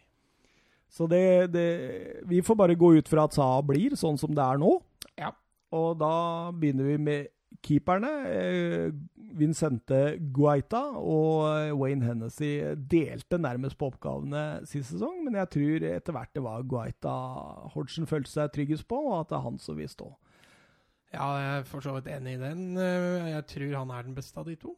Ja, Du kjenner han vel fra Getafe og Valencia-tida? Ja, han var egentlig en meget solid keeper. Det var litt overraskende at begge de to klubbene egentlig kvitta han. Ja, eh, ellers har de også henta Steven Henderson på free fra Nottingham Forest, trolig for å gå inn som et trevalg. Ja. Erstatte legenden Julian Speroni som ga seg der, altså. Åh. Eh, Forsvar. Eh, Mamadou Sako, Chris Tompkins, Dot Scott Dan og nyinnhenta Kate Cale. Gary Cale. Ja. der får de i hvert fall inn mye eh, erfaring og rutine, men, eh, men eh, det hadde de jo også litt fra før, så Ja, vi får se om det blir en forsterkning. Ja, og så har de jo mista Aron Van Bissaka. Der er det vel fort Martin Kelly da, som kommer til å ta over. Ja, det kan fort, eller Joel Ward. Vi får se. Ja. Det er helt umulig å si ennå. Eh, på venstrebekken eh, finner man alltid den eh, svært eh, offensive Patrick van Anholt. En meget god eh, venstrebekk også. Han er god. Han er bra, han. Ja, spesielt offensivt. Spesielt offensivt. Eh, på midtbanen, Luka Miljojevic er jo solid. Eh, Sa og Townsend kan til tid gjøre ting ut av ingenting, egentlig. Ja. Eh, så midtbanen eh, Altså, Den ser jo veldig tynn ut. Den sentrale midtbanen syns jeg ser veldig, veldig tynn ut. Skulle Saha forsvinne, så da begynner det å bli tynt. Eh, Max Meyer er jo en Har jo alltid vært sett på som et stort talent, som Ja. aldri har slått igjennom. Han viste seg litt på slutten i fjor. Ja, Da. da, altså har han jo vært brukbar i treningskampene i år, har jeg skjønt. Så de venter nok litt på han. Så Og så har du Sheikh Kayote, da. ja, absolutt. Skal ikke glemme han. Jo, han glemmer vi, tror jeg. Han glemmer ja, nei, jeg- dette, dette ser så tynt ut at jeg, jeg er redd for at vi har satt dem for høyt, altså, men eh, ja, Det er for seint å gjøre noe med det nå. ja, men det er jo 15.-plass, så, så lenge Sa blir, så er, det, så er det greit, tenker jeg. Men uff, uff, dette, dette ser stygt ut, altså. Det gjør det. Angrep eh, Jordan Ayu, ny, ny fra Swansea. Christian Benteke og Connor Wickham. Det skriker ikke mål her. Nei, Sørloth har jo forsvunnet, så For der skreik det Der mål. skrek det jo mål. Nei, men altså, Wickham òg, det, er- altså, det er en spiller vi har venta på i mange år. Altså. Han Slår jo aldri gjennom, han. Eller litt sånn Max Maier, bare enda litt eldre. Uh, Ajø kan jo være bra, uh, men Ja. han, altså, han blir ikke toppskårer i Premier League. Det gjør han ikke. Og Benteke Nei. nei er. Husker du Benteke i Aston Villa? Ja, og i Liverpool. Det, ja, det var jo der det begynte å slokne, da. Men i Aston Villa så var han en av Europas heiteste angrepsspillere. altså. Men han er jo avhengig av å få de riktige type kulene å jobbe med. da. Hvis han, eh, hvis han blir løpende for mye mellom om å bruke fart, så er han jo, er han jo ikke blant de beste. Men får han lov å krige inn i boksen og sånn, så, så kan Benteke skåre 15 pluss, han. Ja, absolutt. Med de kantene òg, da, tenker jeg i Townsend og Sa. Som, Men, men ja, Saha liker jo å gå innover, men, men i hvert fall en, en, en Townsend som kan gå rundt på kanten og slå inn. Altså. Får han en del eh, fysiske baller å jobbe med. Roy Hodgson, manager. Eh, Ringrev. ringrev innenfor treneryrket, det er det ingen tvil om. Har vært i Sverige, Finland, Danmark og Norge, faktisk. Skandinavisk venn der, altså. En nordisk venn. Har vært landslagstrener for De forente arabiske emirater og hatt mindre klubber i Premier League som VBA og eh, Fulham. Har også hatt store klubber som Liverpool og Inter Milan samt England-jobben. Så det er så mye rutine å ha prøvd det det går an å prøve, tenker jeg. Ja, og det kan også være en faktor på at Palace holder plassen, er at de har en meget erfaren, rutinert manager. Ja, han er god til å grinde ut resultater. Han er god på å bygge det defensive. Og, eh, og Sellers Park er alltid et vanskelig sted å komme til. Ja, definitivt. Og det Jeg er ganske trygg på at de holder plassen, jeg også. Eh, Men igjen, jeg er enig med deg. Mister de Saha, så mister de eh, Da mister de en del. Så jeg tror Palace med Hodgson kommer til å stå løpet ut. Selv uten Saha? Nei, jeg tok et forbehold Ja. med Saha. Jeg sa de mister mye med Saha. Men beholder de Saha, så, så, så er jeg egentlig ikke så redd for at de eh, ikke holder plassen. Nei, jeg er helt enig, faktisk. Det, det står, på, står og faller på Saha nå. Han er jo linka knallhardt til Everton. Det kan vi jo komme litt tilbake til. Ja. Eh, Burnley. ja, det er også et lag det ikke er så lett å tippe. Ja, 14.-plass har vi satt dem på. Eh, stifta 1882 og var en av de tolv klubbene som starta The Football League i 1888. Ja, gammel klubb. Ja. Eh, Stadio Turf Moor. Eh, manager Sean Dice. Mest brukte formasjon 4-4-2. Sist sesong 15.-plass. En litt skuffende en, kanskje, i forhold til sesongen før. Ja, Eiere Mark Garlic. Han heter faktisk Garlick. Hvitløk. Og ja, vil du, vil du prøve å uttale det navnet der? Det har vært gøy. John Banasjevic? Banasjevic? Ban der, altså. De eier til sammen eh, nesten 80 av klubben. Eh, treningskamper. Brukbar preseason. Slo NIS 6-1 i en treningskamp hvor Chris Wood skårte hat trick. Eh, Jay Rodriguez har også sett veldig bra ut. Og kronet eh, preseason eh, med to skåringer mot Parma i 2-0-seieren. Så de har, de har gode treningskamper her, altså. Ja. Eh, Keepere eh, John Hart, eh, Nick Poke og Pope og Poke, Poke. og Bailey Peacock Farrell, som ble henta fra Leeds for tre euro. Pope var skada stort sett hele neste, forrige sesong og er tilbake i disse dager. Mm. Veldig god keeper, egentlig. Ja, altså nå har de jo mista Tom Heaton, så de trenger en Nick Pope tilbake igjen i, i godt gammelt slag. Ja, absolutt. Eh, Ellers er det vel Joe Hart som tar den plassen inntil Pope blir helt 100% fit, tror jeg. Ja. Eh, forsvar. Eh, James Tarkovsky og Ben Me, den velkjente duoen. Mee og Tarkovsky? Der ryddes det. Der Der er ryddes det i boks. Altså, de har et solid midtforsvar, altså. Husker du dem i et par av de kampene i fjor, liksom, hvor de hadde så knallhardt press på seg mot, la- City. Ja, mot City, blant annet, og Arsenal, husker jeg. Sånt, hvor de, de eier boksen, liksom. Det er helt enormt, altså. De er, eh, de er ganske solide i egen boks, ja. Eh, Tarkovsky blir jo linka litt nå som erstatteren til Maguire. ja. Som en av de tre som har blitt linka mest. Og det overraska meg litt at det tok så lang tid før han ble linka, for han er jo en, en god erstatter av Maguire. Altså. Han er bra. Eh, Charlie Taylor, ofte på venstrebekken i fjor, får konkurranse av nyinnkjøpte Erik Peters fra Stoke. Jeg gidder ikke å si noe mer om det. Erik Peters er ikke spesielt god. Nei. Eh, på høyrebekk eh, delte Matthew Lawton og Philip Bartsley eh, greit på minuttene. Lawton er nok førstevalget, men var en del skada. Ja, Bartsley har jo også opparbeida seg ganske mye erfaring, så sikkert en ålreit type å ha i troppen. Ja. Eh, vært en del skandaler rundt han Bardslø, i form av fyll og fanteri i preseason og sånn, så, sånne ting. Men, Tar eh, seg litt friheter noen ganger. ja, men nok om det. Og Unggutten Kevin Long er vel fungert som en grei backup til Tarkovskij og Mi. Eh, ja eh, det, det er eh, standardforsvaret til Burnley. Ja, De har ikke gjort noe store De har ikke mista noen store navn der, og de har heller ikke henta noen store navn, så det blir vel mye av det samme som i fjor, tenker jeg. Ja, absolutt. Eh, midtbanen Jack Cork og Ashley Westward hadde ofte de to plassene sentralt, med Johan Berg Gudmundsson på høyre og unggutten Dwight McNeil på venstre. Cork er en eh, solid midtbanespiller. Eh, nå har de også Naren Lennon i bakhånd, så når han ikke er skadefri, så Nei, når han er skadefri, så har de jo et alternativ der også.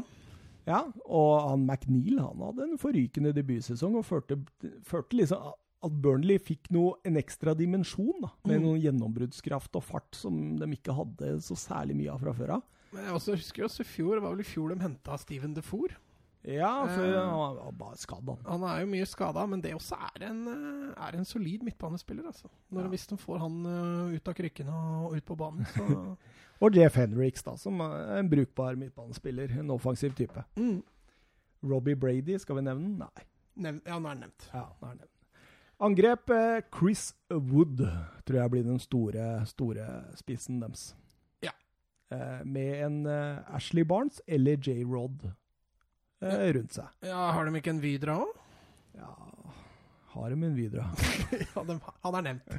Han er nevnt. Eh, J. Rod han har hatt en fin preseason nå, etter Mm. overgangen fra West Bromwich. Mm. Det var jo en spiller Porcetino var ekstremt interessert i å ta med seg fra Southampton til Spurs i sin tid. Ja. En eh, teknisk egentlig briljant spiller som har hatt mye skadeproblemer i det siste. Men nå ser det kanskje ut som han eh, Og da kan det være knallkjøp av Sean Dice. Men de har, en, de har mye å spille på offensivt. Du nevnte jo også Jay Rodriguez. Hatt en meget god preseason. Var jo Ja, det er J-Rod, da. Ja. Eh, La Liga-eksperten her, mine damer og herrer. La, Liga-eksperten. Du nevnte jo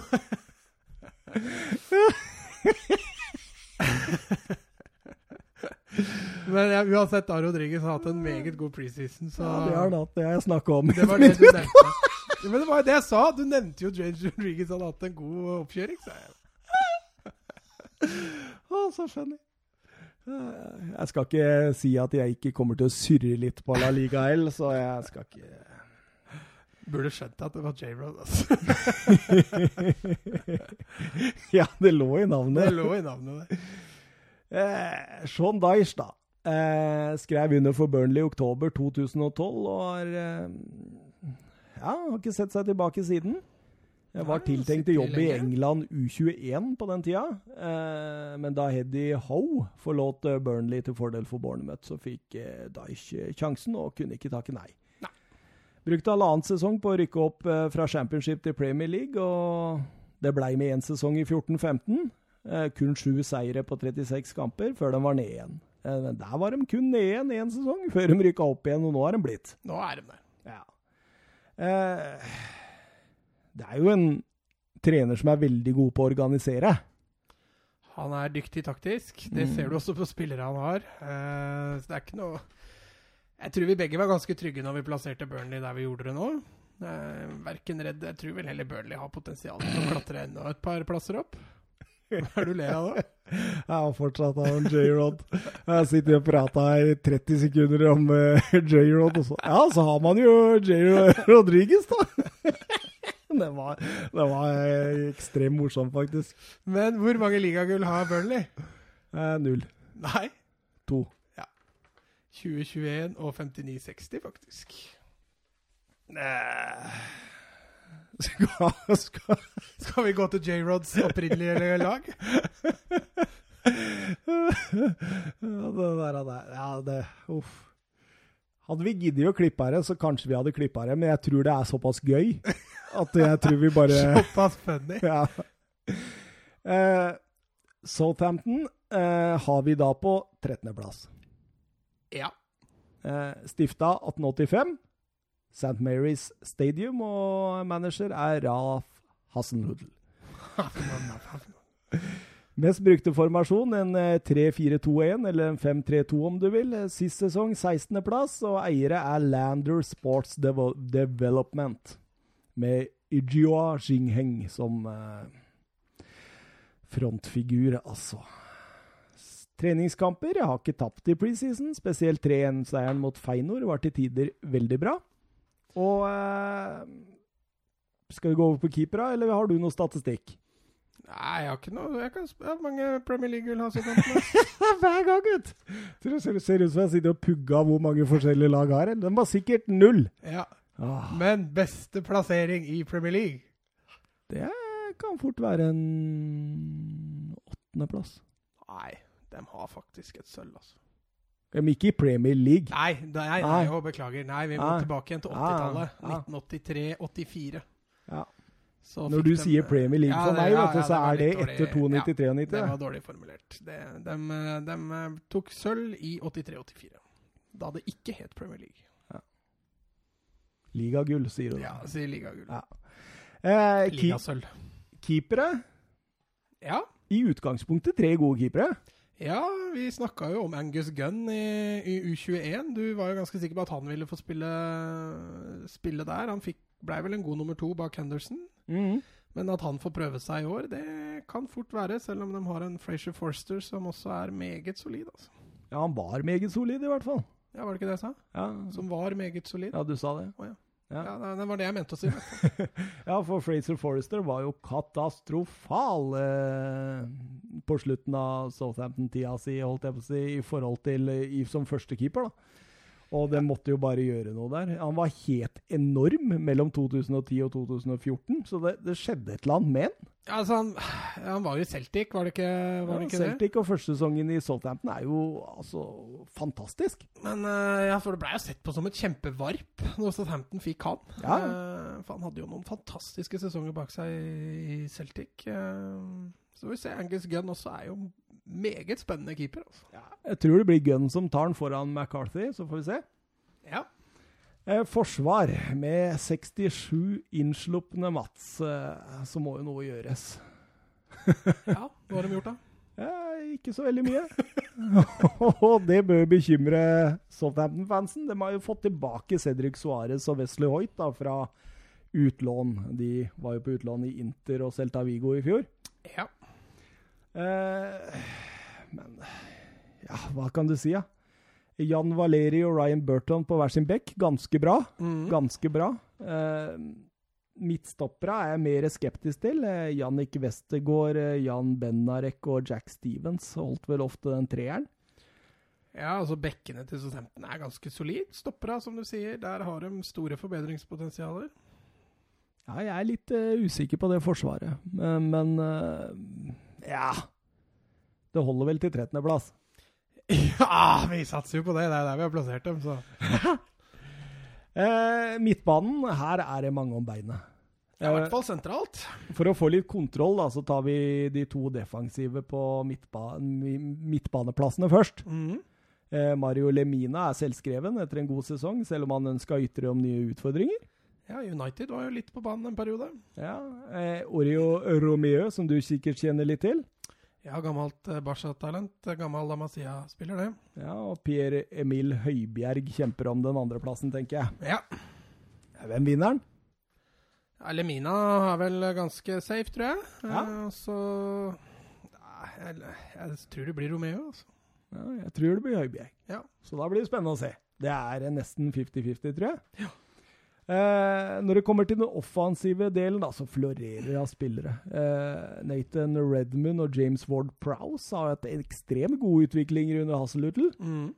Eh, Stuart Armstrong viste mye spennende i starten av forrige sesong. Og eh, ja, Mohammed Elionussi blir vel sendt ut nå, tror jeg. Ja. Det var vel det siste rapportene tilsa. Han var linka til både Besiktas og Celta Vigo og Sevilla, så Ja. får vi se hvordan Sevilla, faktisk. Ja. Oi, oi, oi. Ja, altså, han har jo potensial til å gjøre greit for en sånn Jeg tror han er en spillertype som fort kan gjøre det bedre i hva skal vi si, de latinske spillersystemet. Ja. ja. Eh, og så knyttes det stor spenning til nyervervelsen Musa Genepo, som ble henta fra Standard Liège for 16. Ja. Eh, 21-åringen har hatt en fin sesong og noterte seg for sju mål og tre assis på 25 kamper. Mm, Han også har jo vært i Afrikamesterskapet i sommer, da. ja. Så han, øh, han øh, Ja, nei, det blir spennende å se hva han, han kommer med. En spiller jeg ikke kjenner så altfor godt. Så det blir en, øh, nye ny erfaring for min del òg.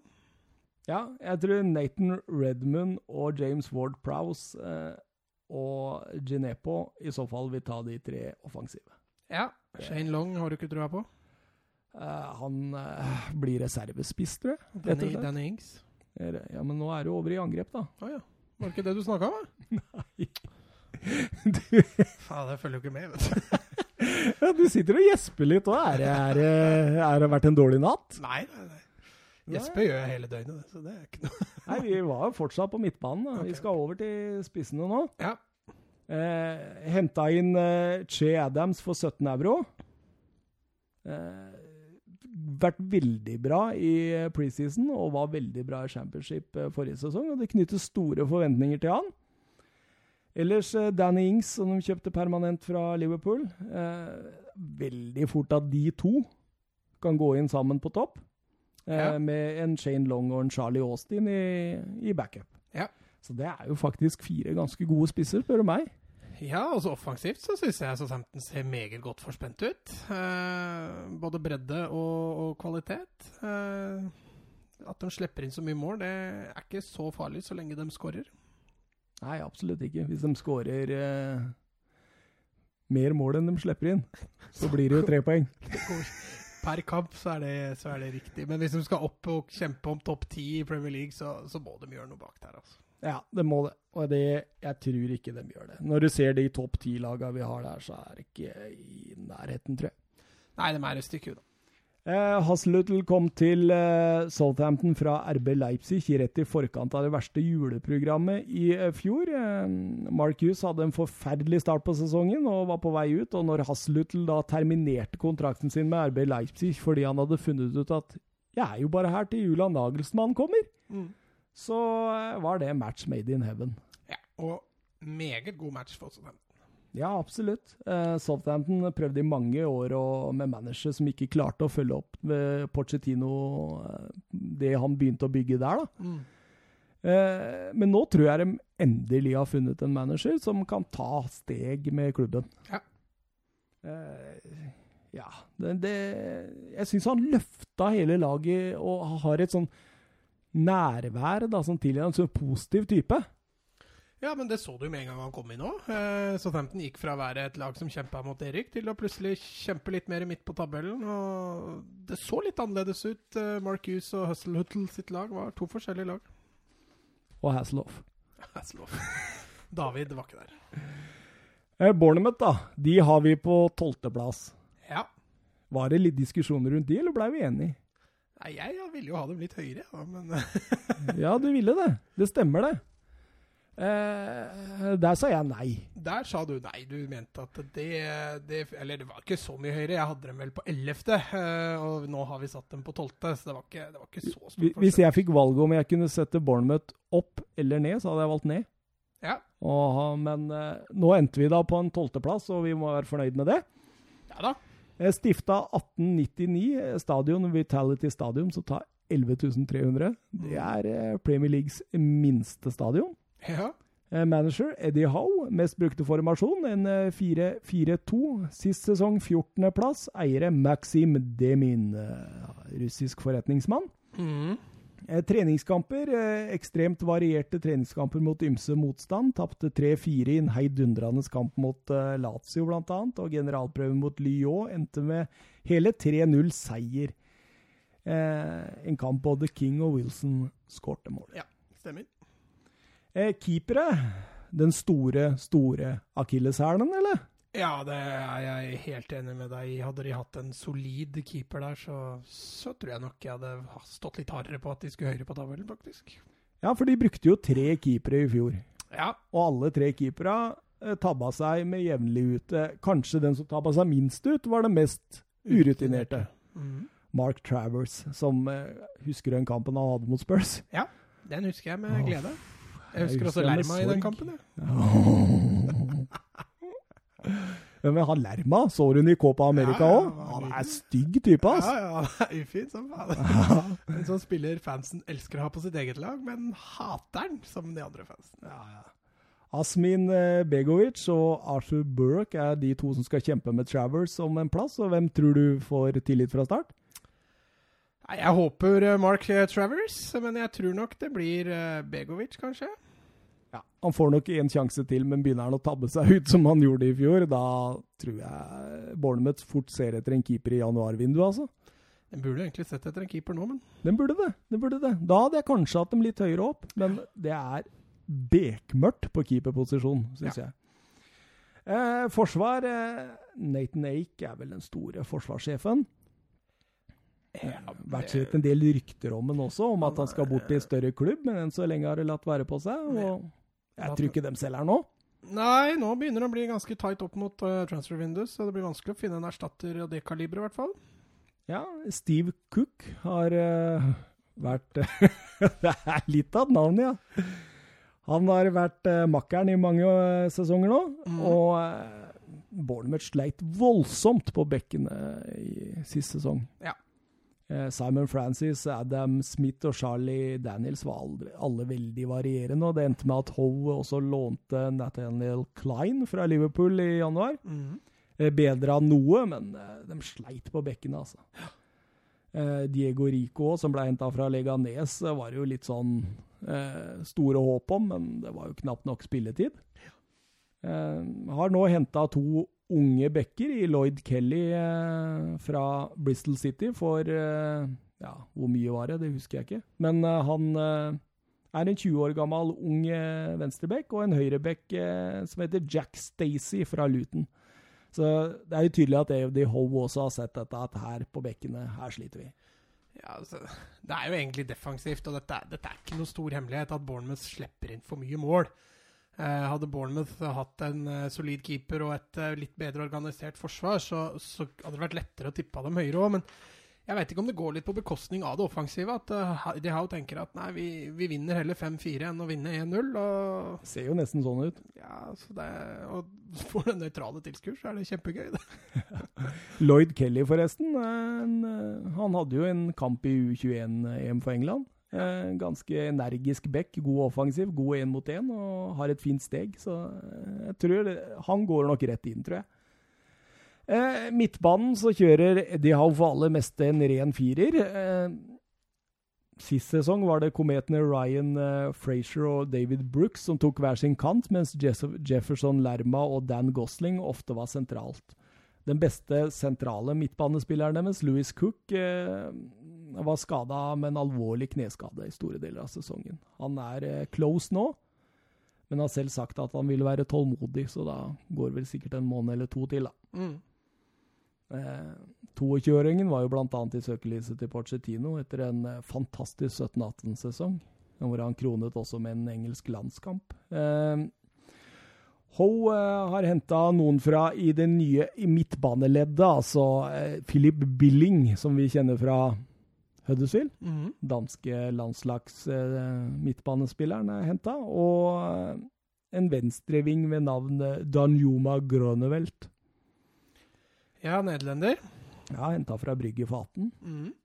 Kjenner du til han, eller? Nei, jeg gjør ikke det. Ikke annet enn navnet og nasjonaliteten. Ja, fått seg noen landskamper og sånt, så vi får se. Eh, Syns det er en god lagdel. Midtbanen er absolutt solid. De fikk beholde Frazier. De fikk, eh, de fikk eh, beholde også eh, Lerma. Lerma, ja. Som gjør at de, de har en del strengere å spille på i midtbaneleddet. Og det er jo det offensive som imponerer mest med, med Bournemouth, både midtbanen og, og angrepet. Så, så lenge de får beholde og styre sånn som de gjør der, så, så er en plassering midt på tabellen ganske innafor. Og Jordan Ibo junior og Stanislas er jo fortsatt i troppen. Mye skada, men kan komme inn i det midtbaneleddet og, og gjøre en jobb. Ja, altså de er gode breddespillere, da, hvis vi kan si det sånn. Ja. Eh, angrep. Eh, ingen som helst annen grunn til å tro at det blir Callum Wilson og Joshua King som fortsetter på topp der. Ja, så har de jo en Solanki bakhånd, så de er godt forspent offensivt også. Nå har de også en Harry Wilson inne på lån fra Liverpool. Ja, stemmer det. Det, kom jo, det var i går kveld, det. Stemmer. Han er spennende. Han er meget spennende. Ja. Så kan gi litt uh, Du sa jo også at han kan fint figurere på en, på en kantrolle, men jeg veit ikke om han fungerer like bra i en 4-4-2. Nei, det er litt vanskelig kanten? å si. Nei, det er, Så- litt, eh, det er mer en treer framme i så fall. da. Ja. Mm. Så nei, det blir, eh, det blir eh, spennende å se hvordan han skal konstallere det offensive nå.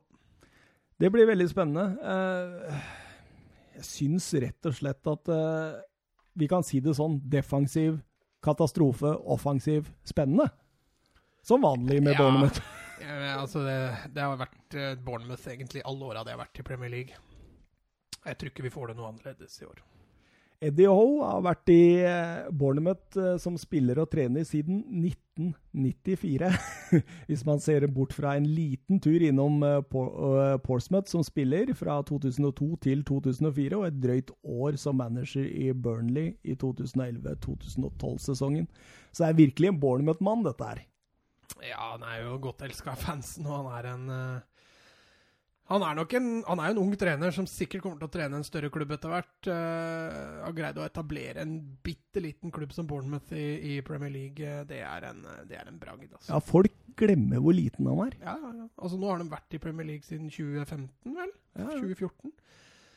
Og nå har det, i og med at de blir der så lenge av gangen, så, så forventer man jo hele tiden at de skal være der. Og da glemmer man litt eh, både budsjett og størrelse og sånne ting. Jeg tenker Stadionet deres er mindre enn mange av Eliteseriens ja. lag sine stadioner. Så, Inkludert Åråsen, vel? ja, Åråsen, jeg vet ikke, den tar vel 11,5. Ja, det er vel som Vitality, da. Mm. Så det er spesielt. Eh, altså, når Eddie Howe eh, tok over Bournemouth i sin andre periode, da tok han over laget på 21.-plass i One. Og nå har han etablert laget, en liten klubb, i Premier League. Det er Tar av hatt og frakk og lommebok, holdt jeg på å si. Du kan Ja. ikke ta av deg lommeboka, kanskje? Nei, men, eh, men han blei jo hylla mye i starten. Nå har det, som du sier, da roa seg litt ned, den Ja, men Det er fordi folk glemmer hvor Ja, lite det er. det. Så Vi, vi, må hylle, hylle, hylle, Vi må bare fortsette å hylle dem. Og det blir en ny runde på Premier League hvor de ender eh, midt på tabellen, cirka. Ja. Eddie Howe, som sagt, en 4-4-2-mann, eh, men kan også variere litt. Eh, Glad i offensive bekker, raske kanter kommer rundt, og lynhørt i omstillingsfotball. Mm. Veldig rask på å ta overgangene der. Og så har han en, som vi snakka om Lerma, en jævel på midtbanen. Ja, Som eh, egne fans elsker. Ja. Det En sånn Vidar Riseth, husker du han? Sånn der, jeg husker når han kom til Lillestrøm, så var det noen som sa å nei, noen Lillestrøm-fans liksom. Ikke Vidar Riseth. Og så var det en som sa men husk, nå er han vår Vidar Riseth. eh, Ellevteplass, og nå begynner det å dra seg til, syns jeg. Ja, det er jo siste, siste plassen på nedre topp ti, på nedre ti. Ja, og da kommer vi til Watford. Ja. Stifta 1881. Stadion Wickeridge Road. eh, Manager Havi Gracia. Mest brukte formasjonen eh, fant jeg egentlig aldri ut av, for det varierte noe voldsomt. Mm.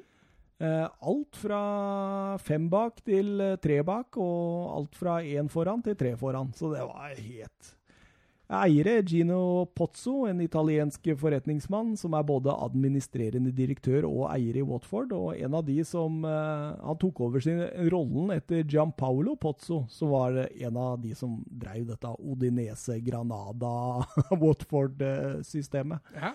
Nå har de jo solgt Granada, da, så nå har de bare Odinese og Watford igjen. Er vel også klubben til uh, sir Elton John? Ja, han har jo vært eier, han òg. Ja, ja, ja. Ja. Og jeg leste et intervju nå for ikke så lenge siden der det sto at han er fortsatt veldig engasjert og aktiv innad i klubben. Ja. Er på stort sett alle kamper. Han er på, sett han på tribunen flere ganger. Ja. Eh, treningskamper, brukbare resultater mot eh, Leverkosen og QPR, og et hårfint tap mot Ajax. Eh, vant 2-1 i generalprøven mot Martin Ødegaards Real Sociedad på lørdag. Eh, keepere eh, Ben Foster og Aurelio Gomez, verdens beste venner, skal vi kalle dem det. Ja, vi har jo snakka litt om det før òg, at de to har et meget godt samarbeid. Det er jo noe Watford tjener ganske godt på, tror jeg. Ja, de ga Gomez et nytt år der, fordi eh, Altså, to keepere som unner hverandre så mye. Altså, eh, når eh, Gomez spiller bra, men får beskjed om at eh, blir du ikke litt sur av at Foster alltid har den plassen, så nei, han er Englands beste keeper, han. Ja, Og eh, når eh, Gomez får spille FA Cup-finalen for eh, Watford mot Manchester City, og de spør eh, Foster men hvorfor står ikke du, da, så er det sånn Nei, for jeg syns Herølje Gomez fortjener den plassen, for han er en fantastisk keeper. ikke sant? ja, ja. De unner hverandre så mye, da. Mm. Eh, Tredjekeeper, den unge svenske keeperen Pontus Dahlberg, som ble henta fra IFK Göteborg, eh, som de har stor tro på der. ja. Når du er henta som tredjekeeper, så da har du en vei å gå. Ja, Han var på utlån til IFK Göteborg, tror jeg, i fjor. Eh, en, en bra keeper. Eh, forsvar. Eh, Kiko Femi, Feminia og Daryl Janmat det delte jo brolig på høyrebekken, og Ja. Hollebass var fast venstrebekk. Mhm. Mariappa og Craig Cathcart danna stoppeparet med Christian Cabasele stort sett som backup. og Der skjønte jeg ikke mye, for Cabasele er ganske bra. Ja, han spilte vel heller ikke FA Cup-finalen i fjor. Nei. Og det overraska oss begge to, egentlig. Vi mener husker vi teksta litt om det. Ja, absolutt. Og jeg tror kanskje vi til og med prata litt om det i podkasten, men uh... Ja, Vi hadde jo den som hovedkamp. for Ja. Så nei, det var litt uh, merkelig. Men uh, får se om han fortsetter å spille fast i år. Ja, og så har de henta inn eh, Craig Dawson fra WBA, en eh, duellsterk stopper der, altså. Definitivt. Eh, et helt greit forsvar, men ikke mer enn helt greit. Nei, det er et av de bedre forsvarene til nå vi har vært innom. Men det er ikke noe fyrverkeri. Midtbanen, da. Da, det er litt mer fyrverkeri. Jeg tenker på Ducoré. Nå Ja. er det rykter om Everton. Det er sterke rykter om Everton. Uff, hvis de mister han, da kan det rykke et par plasser nedover på tabellen. Det kan du fort gjøre. Han er en viktig, viktig spiller å ha på midtbanen. Med seg sentralt har han stort sett hatt et igjen Kapo. Og Ja. sammen har det gjort det vondt å møte Watford. Ja, altså Capoe, når han er skadefri, eh, er jo, var jo en meget god signering fra Tottenham en gang i tida. Ja. Eh, han sleit jo mye med skader, men i fjor så holdt han seg relativt skadefri. Og da er det vondt å møte, møte de to gutta der, altså. Absolutt. Eh, Robert eh, Pereira på venstre var god i starten i fjorårssesongen, dårlig på slutten, og Ja, var med avslutta. Argentina til Copaen. Han avslutta tynt. I Copa var han jo bare tynn, så Ja, men det er ikke dumt å være tynn iblant. Det er mer enn det du kan si om oss to. Det er helt riktig. I bakhånd har de også begrensa Tom Cleverly, Nathan Shaluba. Og så har de en litt spennende type i Domingus Kina. Eh, en sånn Duracell-kanin av en midtbanespiller som eh, kan bli litt spennende å se i fremtiden. Og så har de fått inn en City Og der! Der var Pep Guardiola forbanna! Når de mista Tom Dele Bashiru. Ja. han- Det likte han svært dårlig.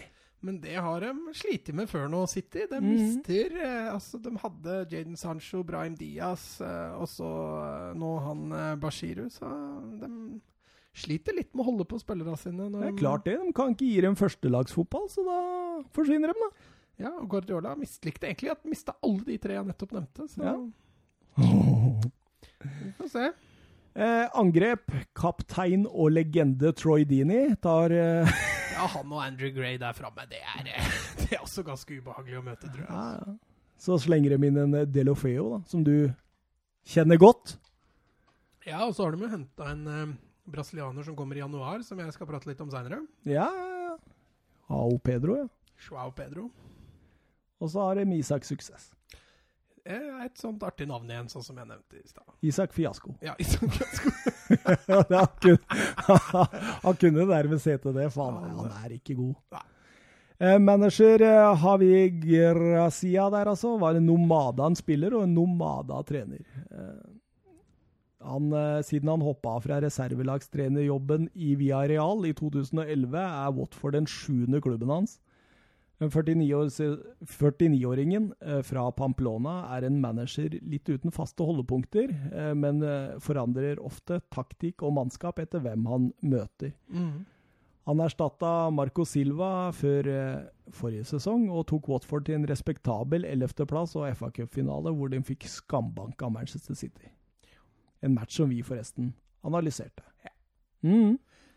Beste plassering i Premier League? Eh, I Premier League eller i ligaen nå, da? Nei, i ligaen. Eh, sjette. De tok faktisk sølv i 82, eller 81-82 bak Liverpool. Alt dette blir Jein tipping, vet du, Mats. Ja, det er det som er så gøy. Nå klarte du å ta meg på J-Road i stad, så får jeg bare ta sånne små Bare Jeg bare ta sånne småstikk på deg. Det, det, det er forskjell på å ikke vite at J-Rod er James, James Rodri- Rodriguez. Nå rurer i Wolfsson der. Nei, vi bare fortsetter, vi. Skal vi være en seriøs podkast, så skal vi være en seriøs podkast. Ja, og da entrer vi topp ti, da. Ja. Og hvem har vi der, Mats? Ja, Da er vi over på Westham, da. Westham. Veit du når de er stifta? Ja, hvis du gir meg to sekunder. 1895. Stadion, Olympia stadion. 54 000 tilskuere der. Eh, kan være litt større, men i fotballarrangement så er det satt på maksgrensa fra London eh, sitt bystyre. ja. Manager eh, Manuel Pellegrini, mest brukt eh, formasjon, varierer voldsomt etter motstander, men eh, 4-2-3-1 er ikke helt eh, feil. Sist sesong 11.-plass, eh, så vi tror altså de rykker opp én plass nå. Eiere velkjente David Sullivan og, David Gold, altså. Mhm. Treningskamper varierende. Eh, vunnet tre, bl.a. 5-3 mot Hertha Berlin i en sjuk match hvor både Haller og Fornal skårte. Eh, tapt mot eh, Newcastle og Manchester City, henholdsvis 1-0 og 4-1. Og i generalprøven hentet de opp 0-2 til 2-2 mot Athletic Club. Hva tror du, Mats? Altså, det er Jeg sitter og sett på stallen. Det er en meget spennende stall med en Altså I utgangspunktet spennende trener, men de siste åra så har ikke Pellegrini vist til det helt store. De venter på en toppskårertyp. Eh, nå har de henta to stykker offensivt i Fornals og Haller som kan eh, Men eh, at de skal greie å blande seg inn mot de vi har over der på tabellen, det Kanskje de kan greie en plass eller to høyere, eh, men jeg tror også Maks uttelling. Ja, Sjuende- og åttendeplass. ja. Maks. Også, men, men, men de kan også få en litt sånn traus sesong. Altså dette en plass eller to i forhold til hva vi har tippa på. Det er jo litt typisk Westham. Det er jo, typisk West Ham. Ja, jeg har flere ganger tenkt at uh, dette blir bra, og så blir det dårlig. Ja. eh, keepere Lukas eh, Fabianski, eh, den soleklare eneren. Ja. Sendte Adrian uh, ut på free transfer, som ble henta i en av Liverpool. ja. Skal han sitte på benken der isteden? Ja. Så istedenfor å ha Adrian på benken, så har de henta to keepere i David Martin fra Millwall og Roberto fra Español. Ja. Roberto fra Español fikk eh, kun seks Copa del Rey-kamper i fjor. Ja, han var reservekeeper i Español i fjor, så da går han jo til en ny reservekeepertilværelse i Premier League, tror jeg. Ja, Fabianski er bra. Fabianski er solid. Mm, absolutt. Eh, forsvar eh, Også et godt stopperpar der. Isa Diop og Fabian Balbuena. Absolutt. Eh, Både Diop og Balbuena tror jeg eh, Altså, det er solid. Får de dette til å funke igjen i år, så blir det ikke så altfor mange baklengs. Du skal gå gjennom en defensiv midtbane etterpå som er ganske bra, og da, det tror jeg eh, blir en av Westham sine forser i år. altså. Isa Diop er jo en av denne generasjonen med unge, unge, franske stoppere. ja. Åh. Eh, Høyrebekken var besatt av Pablo Sabaleta forrige sesong, men tenker Ryan Fredericks er klar til å ta over den nå. Kan fort skje. Eh, Eh. godeste godeste eh, Sa- Sabaleta begynner jo å dra på åra. ja, det er sjuende far i huset. ja, det er sjuende far i huset. ja.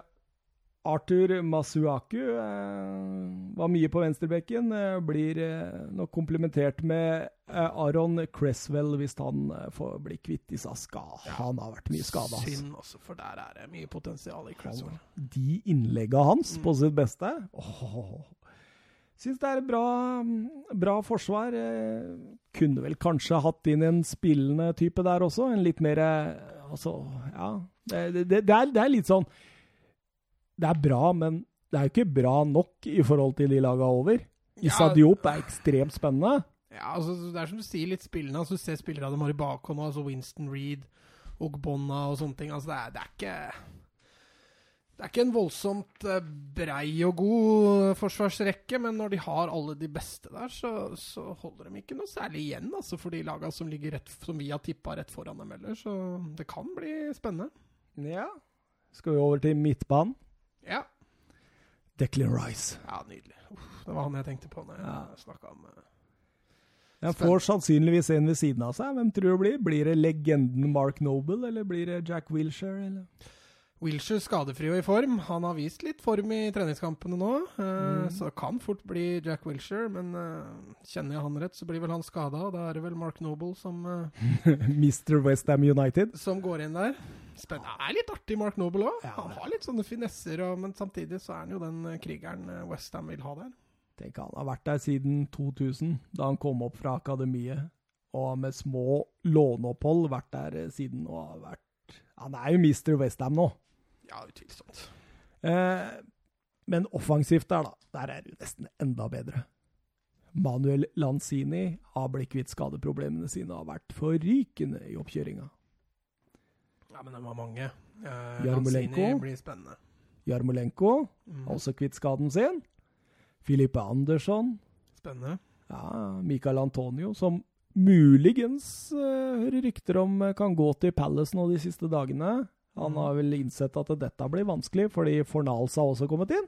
Eh, ja. Fornals uh, er vi jo veldig spente på. Ja, jeg er mest egentlig spent på hvor han skal bruke Fornals. Uh, ser jo ut som han skal spille en 4-2-3-1. eh, om han skal bruke den til venstre, bak spissen eller som spiss. Kan han ikke bruke en høyre, eller? Jo da, men han er mer en sånn innoverkant-type, da. Der har man jo Jarmolenko og Ja. Antonio også, så det er Det går godt hende han ender opp med Fornals bak spissen, eller til høyre, for så vidt. Og, Kan han spille dypt i toeren bak? Nei, det Nei. vil jeg ikke Det vil jeg ikke anbefalt. Ikke Eh, med en Declan Rice heller? Ja, Med siden av Declan Rice så blir vel alle seende bra ut. Da tror jeg at også jeg skulle greie det. Ja. Eh, men eh, jeg tror nok Fornals er tiltenkt en av de fire offensive rollene. Mm. Men det som gjør det litt vanskelig også, er jo det at Haller er jo ingen sånn utprega midtspiss, han heller. Ja, er han ikke det? Altså Han spilte jo ikke der i, i Nei, litt i ute til sida for Jovic, men Ja. han, han jeg, jeg syns jo han er en target, da. Ja. Jo, nei, det blir veldig spennende å se Ja, hvordan blir, han eh, hvordan han komponerer, det blir veldig vanskelig å se. Mm -hmm. Eh, Snodgrass og Diangana kan jo også få minutter, men eh, ja, det er vel de vi har snakka mest om nå som kommer til å prege midtbanen der. Ja. Eh, angrep. Arnatovic ut, eh, Sebastian Haller inn. ja. 40 euro fra Eintracht Frankfurt, eh, hvor han danna en frykta angrepstrio med Jovic og Rebic. ja. Eh, har det aller meste for å lykkes i Premier League, tror jeg, men det har vi sagt om mange Westham-spisser i åra oppover. Ja, du hadde jo et lite innlegg om Westham-spisser tidligere, så de eh, se, har egentlig i mange år sett etter en målskårer. Men eh, Haller har virka bra i oppkjøringa. Ja, for Nals òg. Ja, absolutt. Positiv. Så det kan, kan hende de er i ferd med å finne ut av det. Og hvis ikke Haller leverer, så kan jo den lille erten levere. Chicharito. Ja, han er fortsatt i klubben. Ja, han har slokna litt med alderen, men ja. veit fortsatt hvor målet står. Ja da, absolutt. Eh, manager Manuel Pellegrini er vel en manager du kjenner kanskje enda bedre enn meg? Ja, altså, han var jo I Viareal så gjorde han jo en kjempejobb. Det gjorde han for så vidt i Malaga òg, men der hadde han litt bedre, litt bedre arbeidsforhold. Det- mens, mens eh, det Var, var han inne i den der Malaga-satsinga? Ja, det var Ja. da han som var manager da. Eh, etter det, og når han prøvde seg litt i England, så har han jo ikke fått det helt til på samme måte som han gjorde i Villarreal og Malaga. Da endte de opp med Champions League-plasseringer, og ikke minst gode Champions League-eventyr, med egentlig med begge klubbene. Så det blir, eh, det blir Han vant ligaen med City, da. Ja, men igjen, da. Vinne ligaen med City, det greide Manzini jo. Det gjorde han, og det greide Pep Guardiola. Men apropos Westham, Vebjørn Fredheim har et spørsmål. Oi, oi, oi. Det er spennende å høre hvor dere plasserer Westham, så da ble det jo svaret ditt nummer ti. midt på. Midt på. Uh, synes det var spennende når dere tok topp fem transfers. Topp fem transfers, Ja, det kan vi egentlig avslutte med. Ja. Det var ikke Eh, noe om Westham. det. var ikke noe Westham, egentlig. Men det er spennende å høre hvor vi plasserer Westham. Ja. Nei eh, Nei, jeg syns Westham er spennende. Det kan slå begge veier. Eh, Vi går omtrent midt på av de begge veiene det kan slå. Ja. Men det er fordi vi er litt usikre, og kan Altså, vi er trygge på at de havner høyt, men ikke helt hvor. Ja. Har du eh, Vil du tippe beste ligaplassering? Nei. det blir rein tipping, så det er ikke de har en bronse fra 1985-86-sesongen. Ja. Så har de vunnet FA-cupen tre ganger. Niendeplass. Oh. To steg ned fra sist sesong eh, for vår del. Ja. Wolverhampton. Wolves. Stifta 1877. Stadion Molineux. Manager Nuno Espirito Santo. Eh, mest brukte formasjon 3-5-2. Sist sesong sjuendeplass. Eiere Fosund Internasjonal. Eh, før de kjøpte Wolverhampton, så kjøpte Fosum Internasjonal 20% i aksjene i Gestifuge. Gestifuge? Det er agentselskapet til Jorge Mendes. Ja, ikke sant. Så der ligger den der Mendes-linken. Ja. Eh, og uten den linken så tror jeg ikke de hadde vært der de hadde vært. Nei, men altså, nå har jo også Wolverhampton brukt en del penger. Ja, men eh, han krever fortsatt penger for spillerne sine. Jo, jo, jo. Det er jo, altså Wolverhampton kjøpte jo bra også den sesongen de rykka opp fra championship. Ja, men det var jo den sesongen Mendes tok over. Den Ja. sesongen før der. Eller Mendes tok over nå, nå, nå, nå eh, Men at han Men de opererer jo litt i gråsona, ikke sant? For i Premier League så er det er jo ikke lov.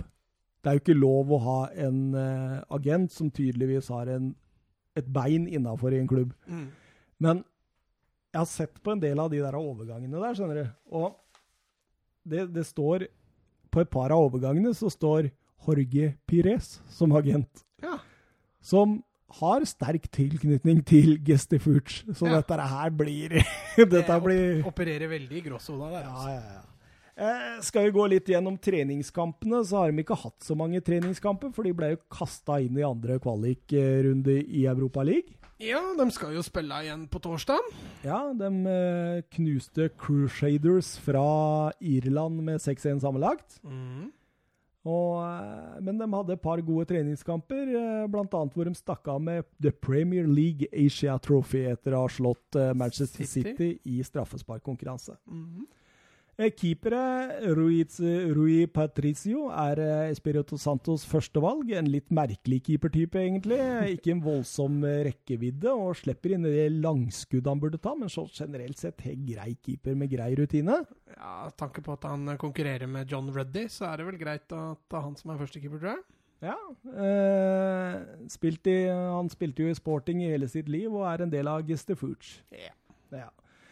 Eh, forsvar eh, foretrekker jo eh, Espirito Santo tre stoppere og to wingbacker. Eh, sist sesong kjørte han hardt på Matt Dorothy og eh, Johnny Otto som eh, back-typer, og så Ryan Bennett, Connor Cody og Willy Bolly som eh, stoppere. Men der kan det komme inn en ny en. Ja, Jesus Vallejo har jo kommet inn der, så det blir spennende å se om han greier å ta seg til en plass. Jeg tror han er god nok til det. Da går han inn for Bennett, da, i så fall. Ja, i så fall. Da er det Da begynner det å se litt spennende ut der. Ja, så nå har de jo Ja, defensivt så er det en forsterkning, tror jeg. U21-kaptein til Spania? Ja. Ja, Absolutt. Fra, som U21-mester med Spania i sommer. I Midtbanen, eh, Motinho, Neves og Den Donker, etter han kom fra lå på lån i januar, var den mest brukte treeren på midten. En dynamisk og fin midtbanetrio der, altså. Ferdigheter med ball, kreative, disiplinerte. Og iblant hendte det at han brukte Adama Traore og Morgan Gibson White, f.eks. Men det var jo disse tre han stolte mest på, da. Ja. Den Donker gjort det permanent. Han har jo vært solid òg. Mm, Jeg ser mange som vurderer han på fantasy-laget sitt. Ja, det er klart han er jo den billigste av de billige, holdt jeg på å si. Fire og en halv. Så det er jo for å få rydda litt plass. Ja. Han er jo, han er jo ikke en offensiv type, så når du velger han på fantasy, så er det jo litt sånn Jeg må spare midler, og så veit jeg at han spiller. Kommer ikke til å plukke så mye poeng, der. nei. Eh, I forrige uke henta de to portugisere. Ja. Men det er litt artig når du ser troppen til Wolves. Altså, Veit du hvor mange engelskmenn de har? Eh, det må være Ryan Bertrand, da. Nei, Ryan Burton, sier jeg. Ryan Bennett. Ja, nei, de har altså Og også Matt Dorothy. Ja, så har de John Ruddy. Ready? Og så har de to sånne langt tilbake. Eh, Ja, Will Norris. Vibes, Ja, og så Will Norris som, som tredjekeeper. Og så har de en Connor Cody. Så de har hele fem engelskmenn i, i avstanden sin. Eh, og så har de riktignok to irrer, men eh, det er mye ikke-britisk som florerer i Wolverhampton. altså. ja. Som i mange andre. Jo, men i Wolves er det jo ekstremt, da. Disse to portugisere, Bruno Jordao og Pedro Neto, kom fra Lazio for til sammen 20 euro. Duoen gikk til sammen fra Braga til Lazio før 17-18-sesongen. Eh, og det, det, det Fingeravtrykka til Jorge Mendes uh, står jo over begge spillere som Ja. synger etter.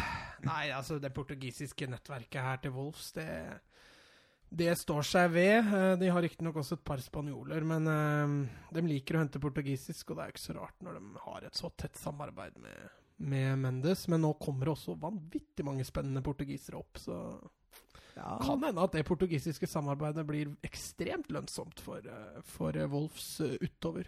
Ruben Neves på midten her. Fantastisk. Ja, han også er, er meget god, og så kan også fint ta med Motinho, som, som begynner å bli en rutinert midtbanespiller som passer veldig bra inn i Wolves. Altså. I angrep, Diego Yota, Raúl Jiménez eh, var jo til sammen meget gode sist sesong. Eh, nå har de fått eh, besøk. Nå har de fått konkurranse, ja. Ja. Patrick Cotrone kom fra AC Milan for 20, ja. og de gjorde også Jiminez permanent fra Benfica. Ja. Eh, det er tre gode spisser.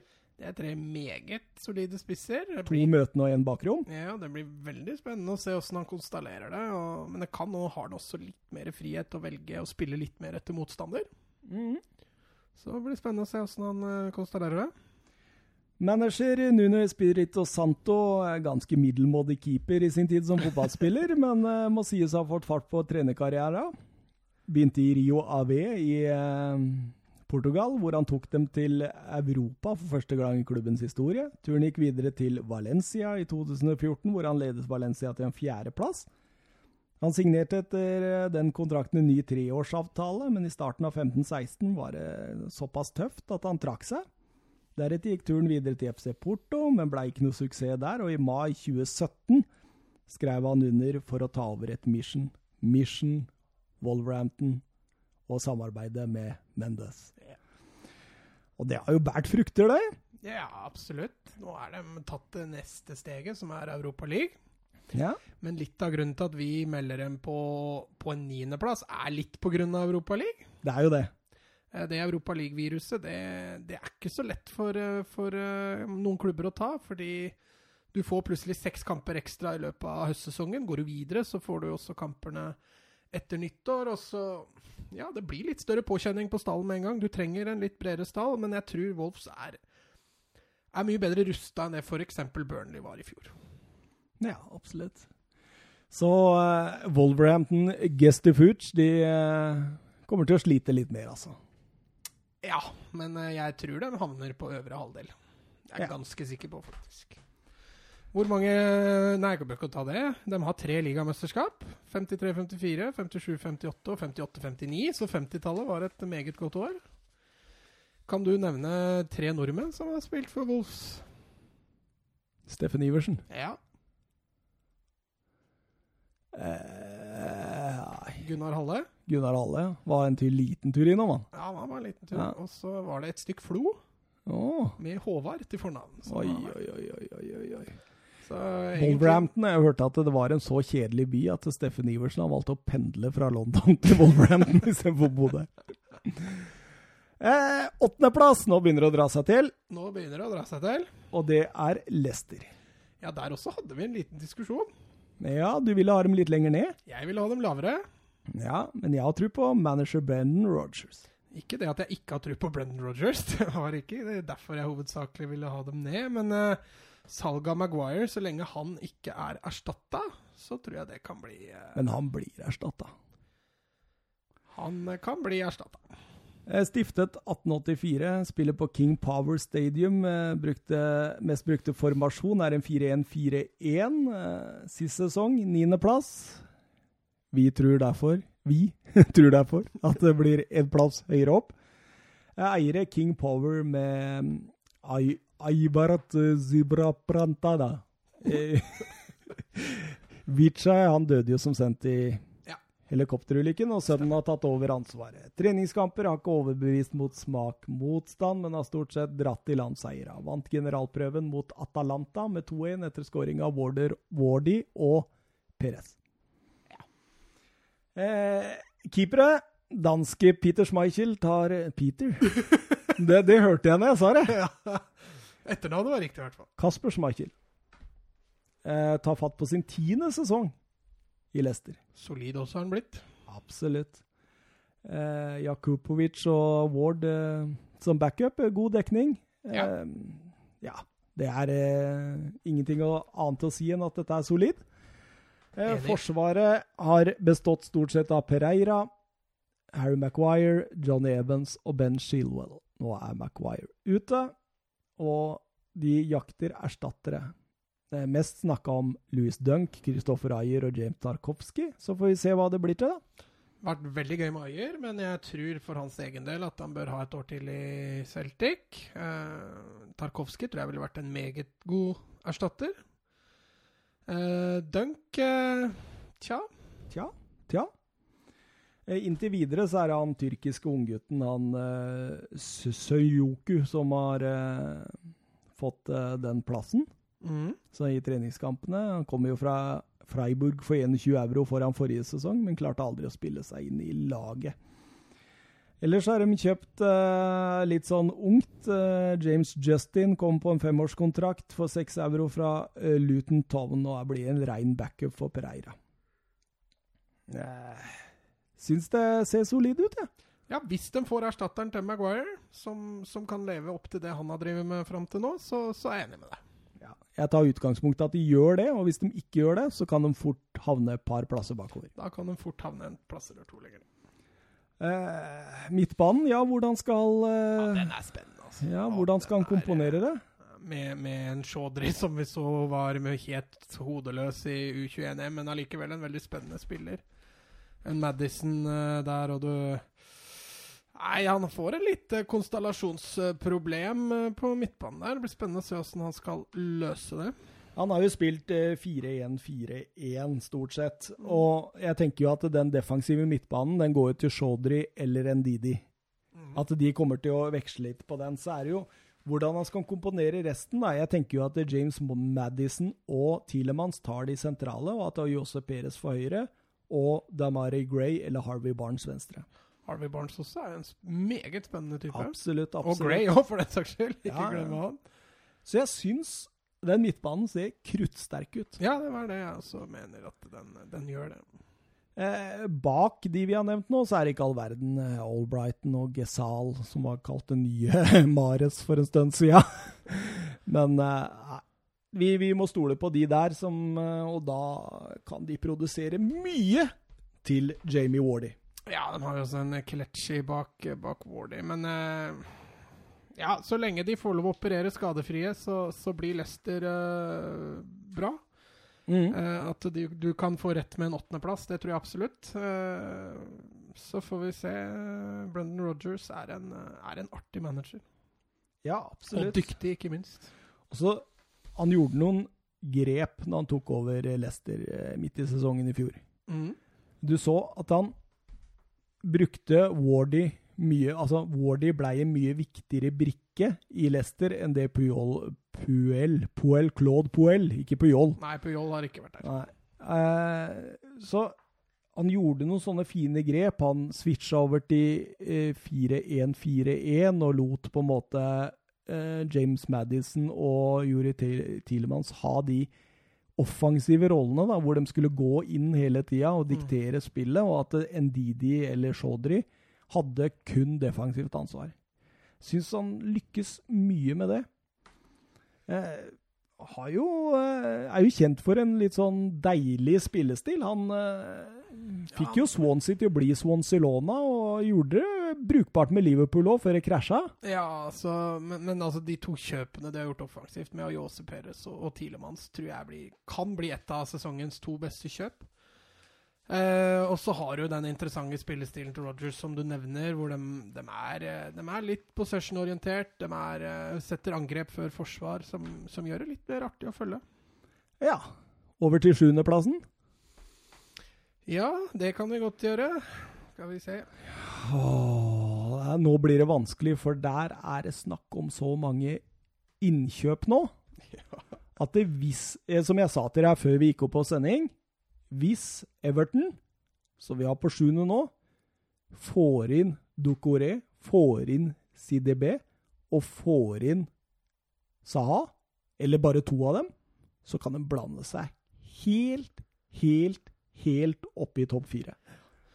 Ja, det er, eh, det er, jeg helt enig med deg i. Eh, de har allerede nå en ganske spennende, spennende stall. Skulle de forsterke med de tre du allerede nevner, så nei, da, da, begynner de både å få en kvalitet i den stallen og en bredde som tilsier at eh, vi kan blande oss inn topp seks. Ja, Everton stiftet 1878 stadion Goodison Park. Eh, manager Marco Silva, mest brukte formasjon 4-2-3-1 sist sesong, åttendeplass. Og eier Farad Moshiri, britisk-iransk investor. Treningskampene er veldig varierende. Vant 1-0 mot Monaco, men tapte både mot Sevilla og Mainz 05. Uavgjort mot Wiggen, Sion og Werder Bremen, som var det store generalprøve på lørdag. Eh, Pickford i mål. Lussell ja. som uh, reservekeeper, henta gratis. Solid keeper, du òg. Martin Steklenburg trekeeper. Solid keepertrio. Absolutt, selv om Steklenburg har vært litt på nedadgående etter eh, Ajax og Roma-tida. Ja. Jeg syns det er bra. Eh, Pickford nå vil kanskje ikke helt opp til de andre topp fem-keepera, kanskje, da, hvis du ser bort fra Eller topp seks, hvis du ser bort fra Leno. Ja. Men eh, er helt oppi der. Han er, han er nok Englands beste keeper. Mm. Eh, Laget sånn det står nå, forsvarsmessig, blir da Coleman, Keane, Mina og Dign i den bakre fireren. Mm -hmm. Eh, men ryktene skal ha det til at Silva er på jakt etter en stopper i siste øyeblikk. Eh, Kurt Zuma glapp jo, til tross for en enorm sånn free Zuma-mobilisering av mhm. Everton-fansen. Eh, så det, det, blir spennende å se hva de får inn der. CDB kan jo få en plass på høyrebekken. Får de inn en spillende midtstopper nå, så ser det der det kruttsterkt ut. Ja, altså, de har jo en, en Laton Leighton Baines i bakhånd allerede nå. Eh, så får de inn de de nevner der nå, så ja, da, da er det krutt på Everton i år, altså. Mason eh, Holgate og unge eh, Louis Gibson er også gode valg eh, å putte inn hvis det biter baki der. Ja. men de er litt Jeg syns at Jeremina ikke holder topp seks-nivå. Så de må få inn en der, mener jeg. Ja, det er jeg for så vidt enig med deg i. Om de beholder Michael Keane eller Jeremina Uansett så må en av dem inn da som backup hvis de får inn den litt mer spillende stopperen. Kanskje et av de vanskeligste laga å vurdere nå, fordi det, det, kommer så an på de to siste dagene av overgangsvinduet her nå. Så Der er det nesten litt sånn at vi må ta forbehold. ja, vi må ta litt forbehold. Eh, men vi kan ikke gjøre en annet enn å ta as we speak, og da er det nok eh, André Gomez som eh, får den ene dype midtbanerollen. Ja. Og så eh, kan det være Jean-Philippe Gamin som tar den andre. Jeg har sett litt av Gamin i Mainz, og det var veldig bra. En sånn nymotens defensiv midtbanespillertype. Litt sånn Altså, før i tida så anså man veldig ofte at den defensive midtbanespilleren er Roy Keane. Mm. Ikke sant? Men nå har jo liksom det har kommet flere, som Tamgaem Dombele og Moussa Sissoko, for å nevne noen av de jeg kjenner best, da. Mm. Som har mye mer enn bare det å takle og levere ballen til nærmeste. Og sånn er Gavin. Han er veldig sånn veldig fint steg. Litt sånn Patrick Vieira-steg over den. Ja. Og glimrende teknisk også, så jeg, jeg, har stor tro på han, faktisk. Eh, Han er en direkte erstatter til Ghana, da, som gikk til, Ja. til Paris. Eh, I treeren foran, da, da Sånn det står nå, så er det kanskje Bernard Gylfi og Rikarlison, eh, med noen gjesteopptredelser fra Theo Walcott. De trenger en Saha der for å bryte topp seks. Ja, altså Du ser også de tre du nevner nå, så backupen der er Walcott, liksom. Det, det er litt tynt. Eh, får de inn en Saha der, så får de også en uh, forbedra førsteelver og en forbedra backup. Så skal de bryte topp seks, er jeg enig med deg. Da må Saha inn. Ja, jeg syns det. Eh, Tom Davies også, vi kan jo nevne den. Eh, fikk, hadde jo en enorm gjennombruddssesong i 17-18. Blei litt stillere etter at Marco Silva tok over.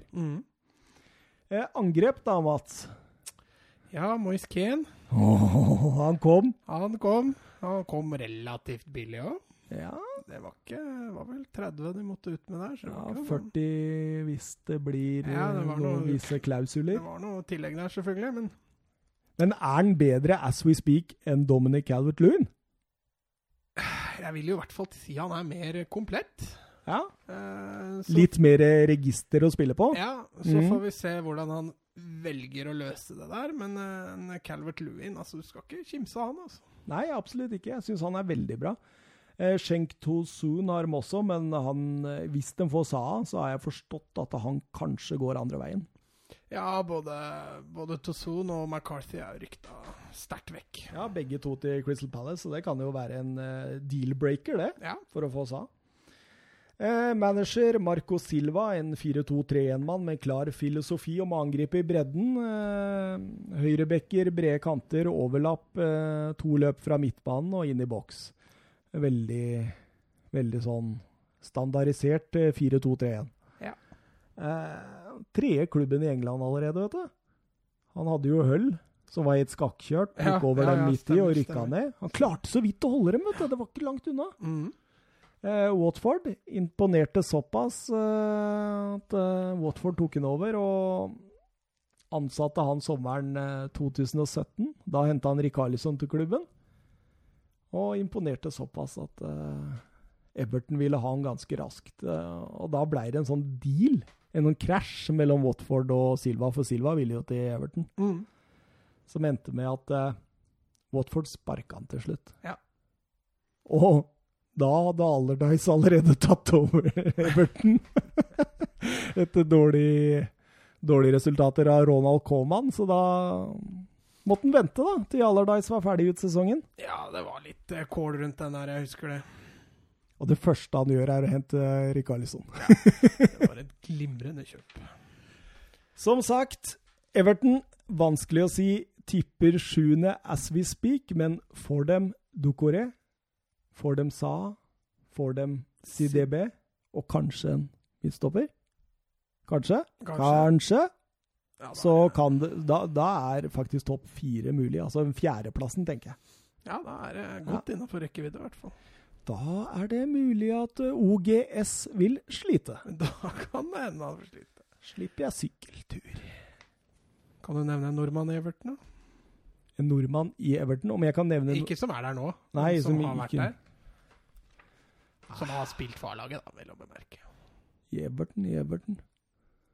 Nei, ikke på stående fot. Jeg orker ikke. Nei, Thomas Myhre er det som har, Ja, eh, selvfølgelig. har kamper der, og de har også ni ligagull, Everton. Ja. Så de er, de er ikke noe, de er ikke noe småklubb, dem. Altså. Ikke noe kimsa. Det er ikke noe kimsa. Sjetteplass. Åh, det begynner å bli vanskelig nå.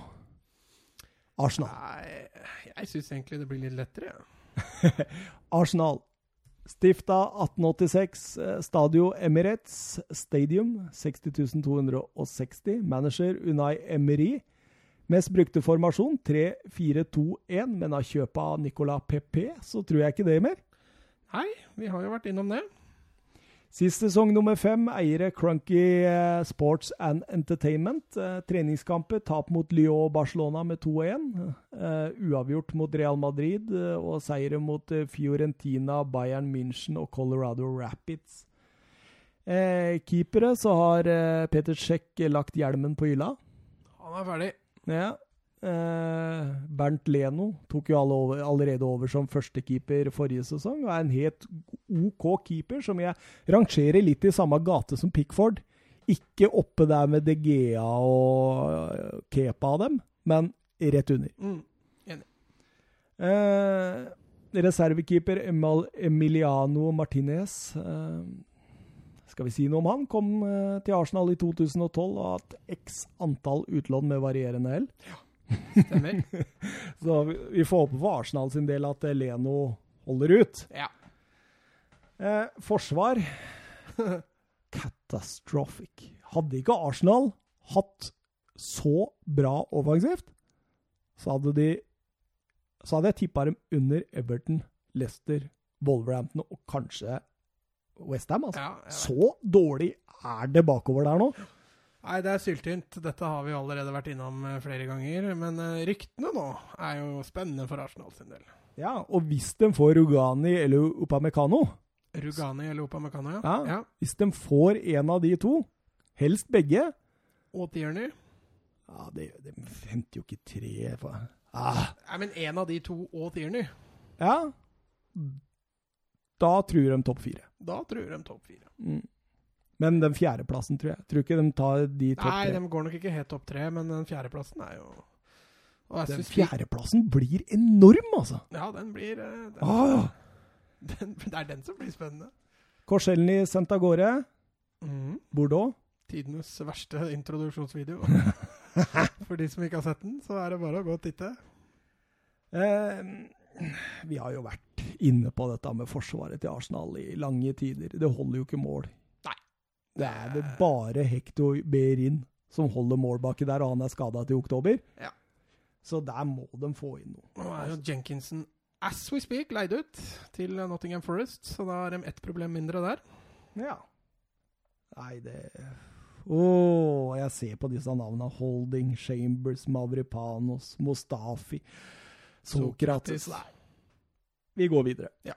Eh, midtbanen eh, Nå blir det litt vanskelig å forutse hva Emery har tenkt, da. Ja, altså Den formasjonen du sikkert skal innom, de har spilt i fjor med 3-4-1-2, det tviler jeg på de kommer til å spille Det blir så borte. mye. Kommer ikke til å spille det så mye i år. Eh, 4-3-3, eller?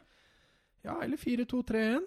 Kan Ja. jo hende han fastholder med de to dype på midten. Eh, følte jo at både Torreira og Sjaka Og så har de jo også en Gendosi bak der. Og Ceballos kan også spille der, selv om jeg kanskje ser for meg at han skal utfordre Mesut Özil i litt mer offensiv rolle. Så har de jo en OK midtbane. Tenk den uh, treeren uh, foran de to dype i så fall, da, med Nicolas Pepe, Pierre-Emerick Aubameyang og Dani Ceballos. Ja, den, er, den, den, er, eh, den er solid. De har til og med OK backup med, med Øzil og Iwobi. Eh, Så den, den Det er jo helt klart den beste lagdelen til Arsenal. Ja, fantastisk. Miktarian, jeg veit ikke hva som skjer med han. Race Mil Nelson og Joseph Wilcock er også to unggutter som kan få litt tid. Ja, så har de henta en Gabriel Martinelli der. Ja, stemmer, stemmer. stemmer.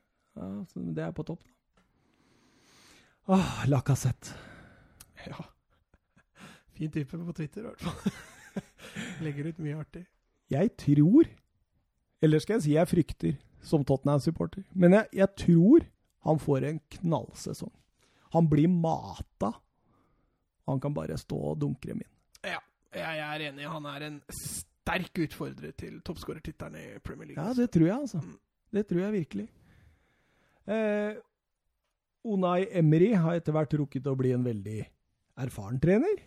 Han har i hvert fall vært mye rundt. Ja, Han har eh, vært et par klubber i, i Spania. Han har hatt PSG i Frankrike, han har vært i Russland, og nå, nå er han i England. ja. Levd er- livet som Dracula på veien. Ja, han vært Han ligner på Dracula, altså. Det er helt vilt. Åh. en, en engasjert og dedikert trener, i hvert fall.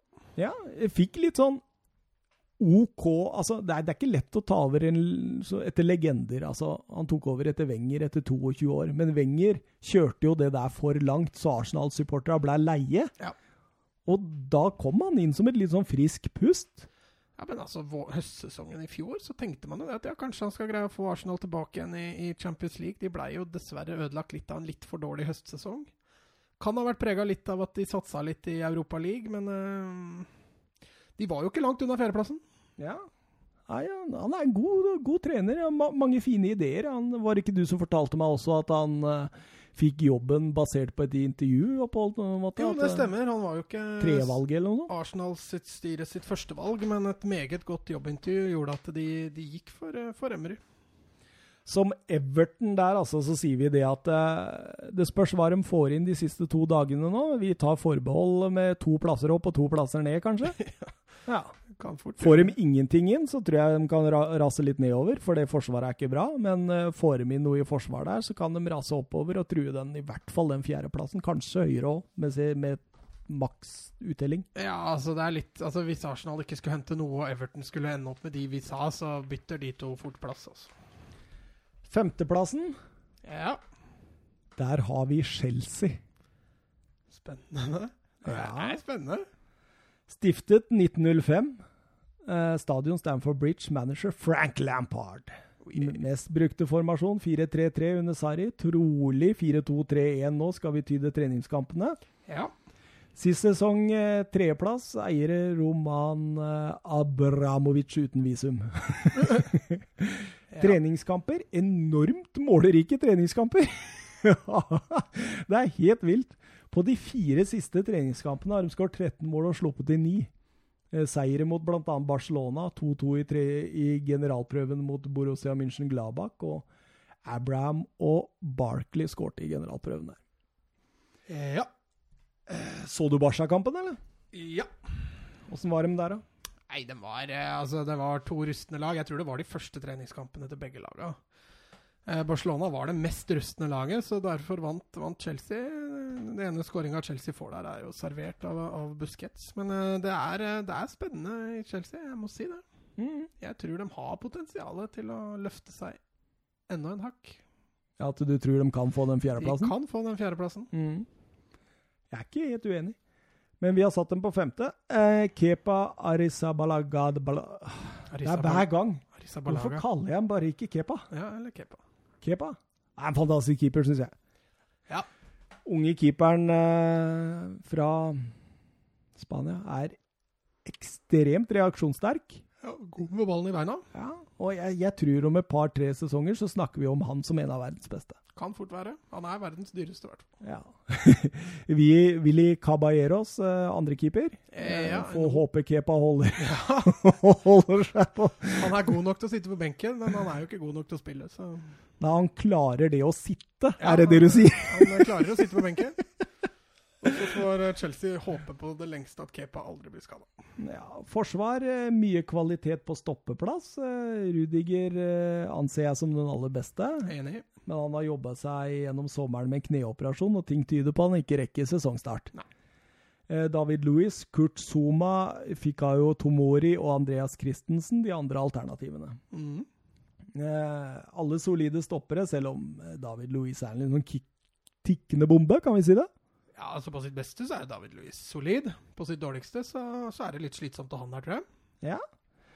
Eh, Høyrebekken blir nok tatt av Cæsar Aspilicuelta, eh, med unge Reece James som en backup. Ja, Eh, Det er jo spekulert i at han vil få mye muligheter i år. ja, han er bra, altså. Han er bra. Og venstrebekken blir en kamp mellom Alonso og Emerson som i fjor. Ja, Emerson hadde jo et meget godt Europacupfinale. Ja, Eh, mens eh, Alonso har jo vist gjennom flere sesonger i Chelsea at han, han fungerer veldig bra som en wingback, og så er han, han sliter litt defensivt. absolutt. Eh, Lampard har kjørt alle treningskampene i 4-2-3-1. Det betyr at eh, det er enkelt å finne plass til både Canté og Jorginho. Ja, så blir det spennende å se om de finner plass til Kovacic. De har jo svidd av 450 millioner for en, eh, en OK spiller, kan Ja. vi si det? Ja, ja. Det var jo denne registreringsnekten som gjorde at det Ja, og så har de også en Bakayoko der. Og så det.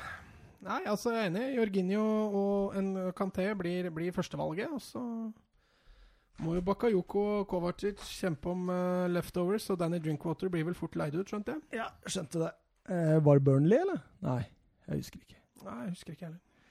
Eh, offensivt eh, Pedro William, gamle travere. Nyinnkjøpte eh, Christian Pulisic. Som har vært eh, imponerende. Ja, absolutt. Eh, har tatt venstrekanten, faktisk. Ja. Rein erstatter til Hazard. Ja. Eh, og Barkley og Mason Mount. Da. Jeg tror Mason Mount kan gå mot en god sesong. Ja, nå hopper du jo over Loftus Cheek, da. Eh, Det blir spennende å se hvor han setter han, for han også er jo tilbake vel igjen i september en gang. Ja, Om han skal være en av de to dype, eller om han skal være den eh, offensive. absolutt. Og når Callum Hudson-Odoi kommer tilbake også, så blir jo dette svinbra. Ja, altså en, en Loftus Cheek offensivt der, med, med en Odoi på høyre og en Pulisic på venstre, det, det skal du ikke kimse av, altså. Nei, det er, det, ja, det er bra. Da ler du ikke. Da ler du ikke, som du sier. Eh, angrep ser ut som han foretrekker jeg Tammy Abraham. Ja, det skjønner jeg svært godt. Eh, En uh, Giroud er jo for all del en fysisk robust, sterk type som er pålitelig på topp, men som ikke skårer altfor mye mål. En Abraham som, som har litt mer hurtighet og kanskje er litt mer målfarlig. men bommer på mye sjanser. Jo, det er jeg for så vidt enig i, men han kommer til langt flere sjanser enn det Giroud gjør.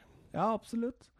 Spilt i tre av de fire siste treningskampene på topp der. Giroud tok den fjerde, så jeg regner med at det er eh, hugget i stein. At det er Tammy Abraham som får sjansen fra start, og det er spennende. De har jo også en Bachoui som, Ja, eh, som et tredjevalg. absolutt Batman. Batman. Han, eh, Tammy Abraham, forresten, han, han har jo vært i Premier League før. Ja. Gjorde det ikke veldig bra da? Nei, han hadde jo et fantastisk utlån i fjor. Ja. Så Det er litt samme som Temu Pukki, som vi snakka om. Men Dette blir gjennombruddssesongen, kanskje, da? eller? Ja, altså han er vel gammel han blitt noe 21? Ja, det er ikke noe mer. Så han, eh, det er ikke noe sånn at han må prestere nå, men, eh, men det kan fort bli en sesong hvor du ser Tammy Abraham skårer 15-20 mål pluss. Manager Frank Lampard. Ja. Legenden er tilbake på brua. Mannen med over 400 kamper og nesten 150 mål skal lede klubben i sitt hjerte. Ja. Fotballromantisk? Det er det definitivt. Ja, absolutt. Men vi har snakka om det før. Er det litt for tidlig?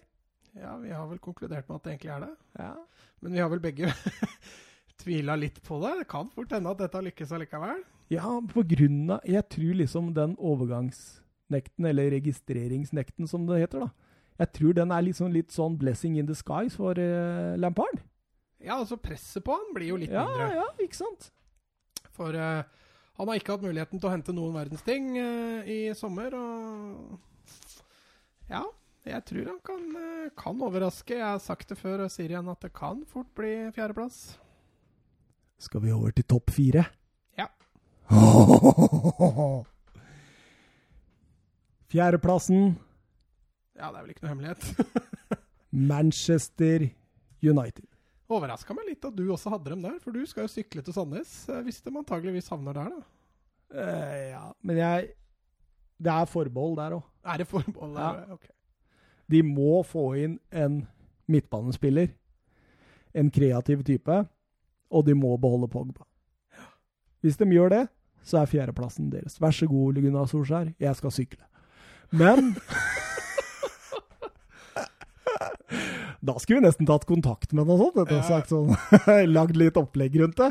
Sikla for et veldedig formål og sånn. Da skulle jeg gjort litt stort ut av det. Nei, men jeg er enig med deg. Eh, En Eriksen som er ganske sterkt rykta nå. Oh. Får dem inn en Eriksen der, Fysj, så fysj. Og så er det også en Manzukic, da, som de sier å være enige om kontrakt med. Eh, Fernando Lorente. Fernando Llorente, ja. Det hadde jo vært en uh... Nei, det blir, det blir spennende på vegne av Ole Gunnar å se om han uh... Om han skal greie det nå. Stiftet 1878. Old Trafford Stadium er deres hjemmebane. Manager Ole Gunnar Solskjær. Mest brukte formasjon 4-3-3. Nummer seks sist sesong. Eier Malcolm Glazer. Treningskampene 2-2 mot eh, AC Milan i generalprøven. Seire mot Kristiansund i showkampen på Ullevål stadion, hvor Mata filma seg til straffespark. Og skårte.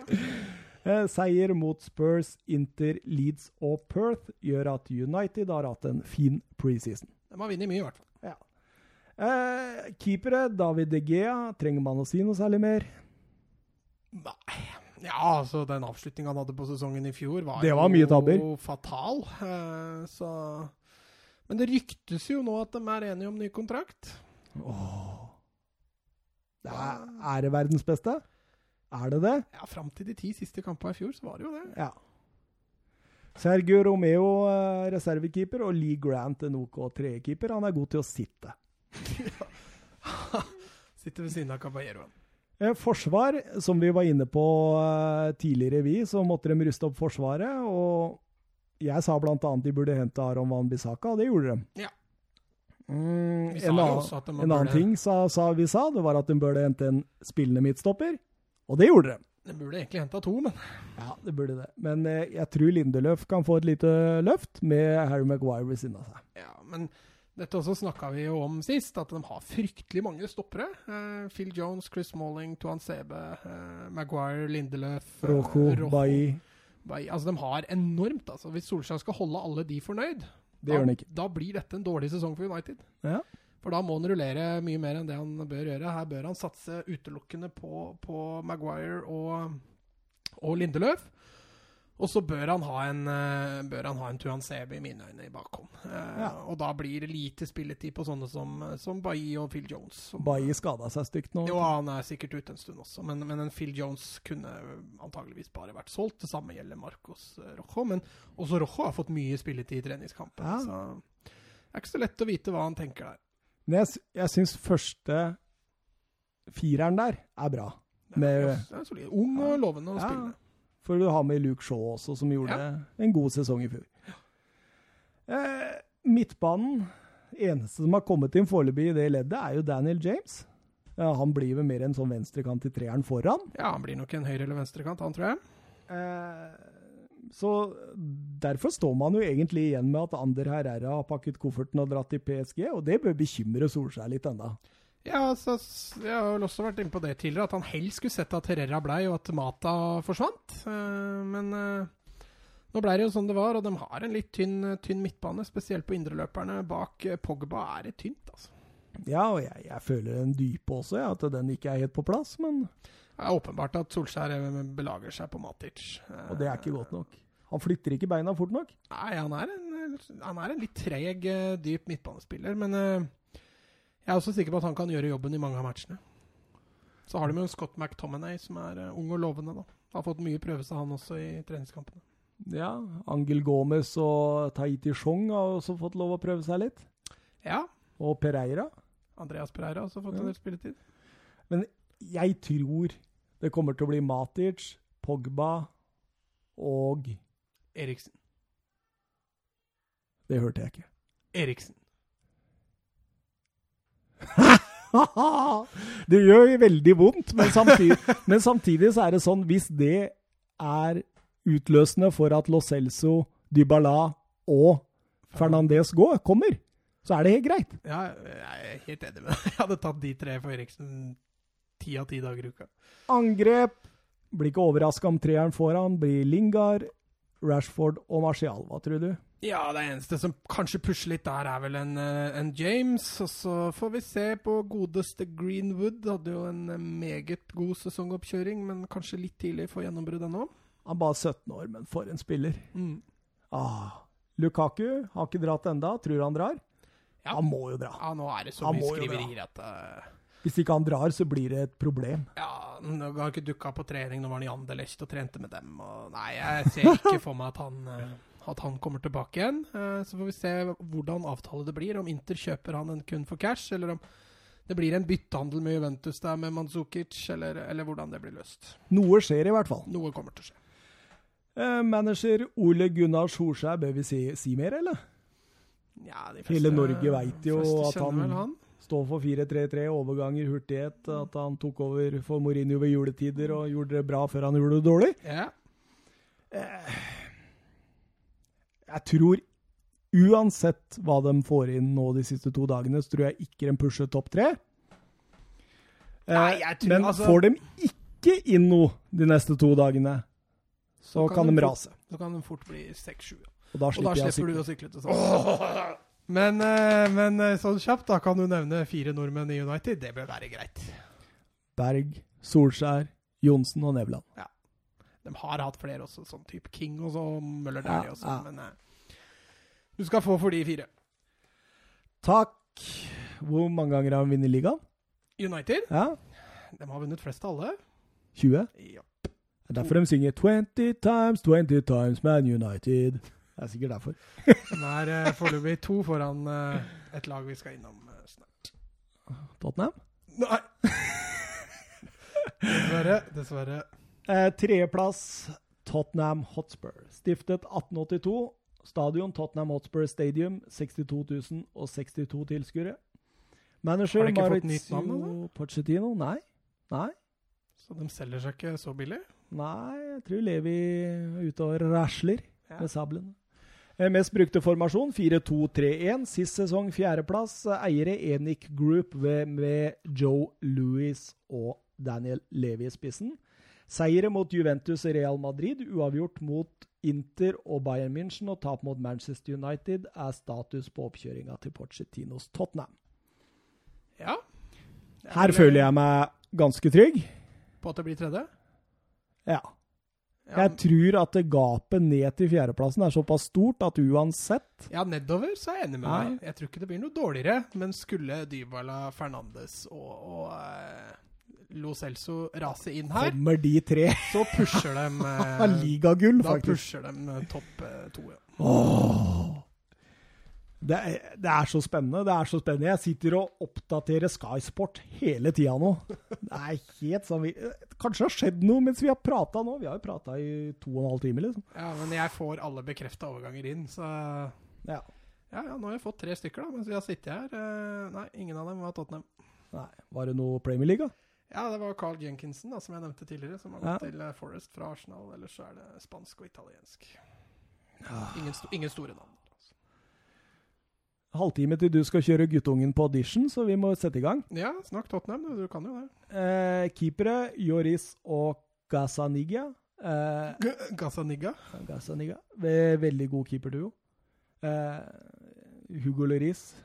Over 100 kamper for Frankrike. Verdensmester. Captain. Tar fatt på sin åttende sesong i Tottenham etter overgangen fra Lyon i 2012. Mm. Vet du hvor mye han ble kjøpt for? Nei. 15 euro. Men i 2012 så var tidene litt annerledes. Andre tider, ja.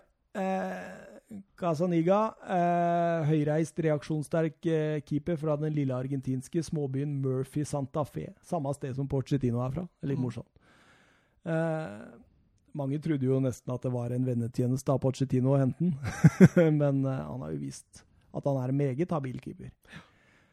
Forsvar solgt uh, Kieran Trippier. Eh, det så også lenge ut at Danny Rose skulle gå, men han tar fatt på en ny sesong, som blir hans 13.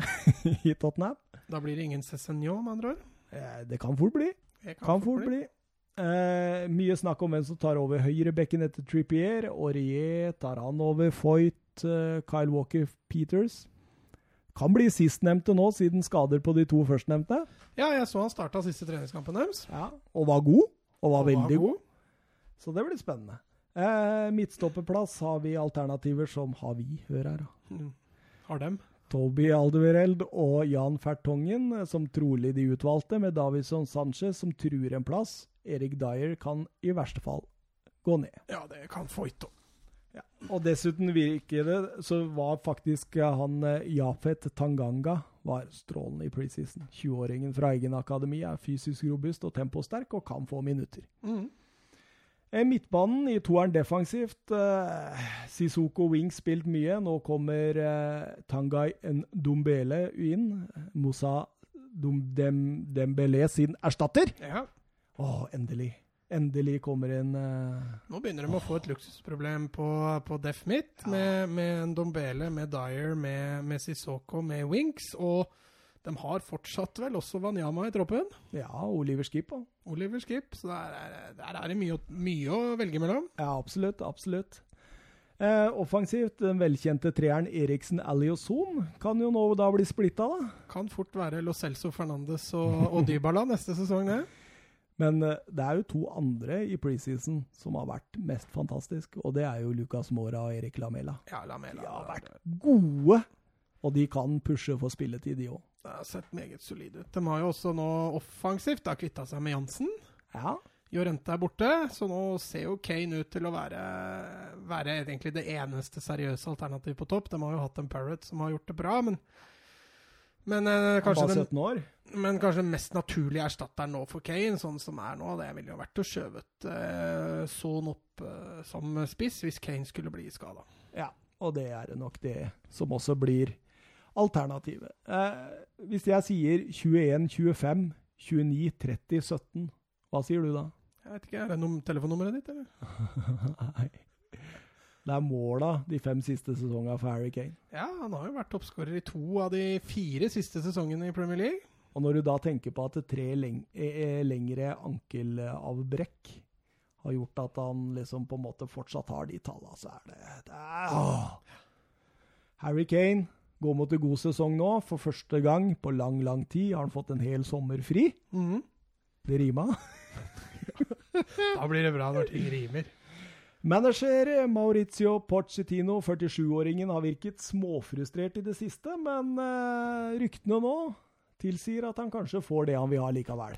Ja, altså jeg, jeg Altså jeg leste jo også at Betis ikke lenger trengte å selge Lo Celso. At han eh, At Betis ikke trenger de penga lenger etter at de kjøpte Fikir når de solgte Firpo. Så jeg er litt i tvil om at de får Lo Celso, men, men Dybala-ryktet virker meget seriøst, og det gjør Fernandes. Den virker jo egentlig done deal. Oh. Så det blir, eh, det blir eh, spennende å se. Hvis, da, hvis de skulle greie å holde Eriksen, så har de et vanvittig luksusproblem offensivt. ja, det blir helt voldsomt òg. Eh, Pochettino han starta trenerkarrieren i Español i 2008-2009-sesongen. Han tok da over et Español på nedrykksplass og redda dem fra nedrykk, og holdt Español flytende fram til 26.11.2012, da de tapte 2-0 for Getafe, lå sist med ni poeng på 13 kamper, og kontrakta ble terminert. Ja, men den sesongen så var Pochettino mye borte pga. personlige årsaker. eh, Så han satt ikke så ofte på benken. Eh, Men de sesongene han hadde før, var jo en jo noen av de bedre tidene Spanjol har hatt. Mm. Og Southampton henta han. Ja, fornuftig. Ja, eh, fikk eh, halvannen sesong der før det bar videre til Tottenham, hvor han har stabilisert Tottenham som en toppklubb i Premier League. Ja. En meget god manager og en ettertrakta manager. Det er nok mange storklubber som ville hatt han. Tror det. Derfor så tør han også å kjøre såpass hardt på Levi som han gjør nå. Så det spørs hvordan eh, Levi er litt gjerrig, vet du. Ja, ja, det er ikke noe hemmelighet. Husker du den YouTube-videoen han skulle hente Morten Gams Pedersen? Nei. Den er fin, altså. Den må du søke opp. For der eh, sitter han i forhandling med Blackburn, og så sier han 'jeg sa 15 pund'. Og han eh, nei. Så setter han bare øya i deg. 15 pund! 15 pund! og så til slutt OK. Mm, Men eh, apropos, du bør jo kunne vite hvor mange ligamesterskap den klubben har. Ja, det er to. Ja. Husker du når òg, da, eller? 1961-62? Nei. Nei. 1962-63? Nei. 1960-61? Ja. Ja. Og 1970-71. Nei, 50. 50. 550 Jeg, tok ti år opp istedenfor ti år tilbake. Men da skal jeg i hvert fall ha seks nordmenn som har kamper for Tottenham.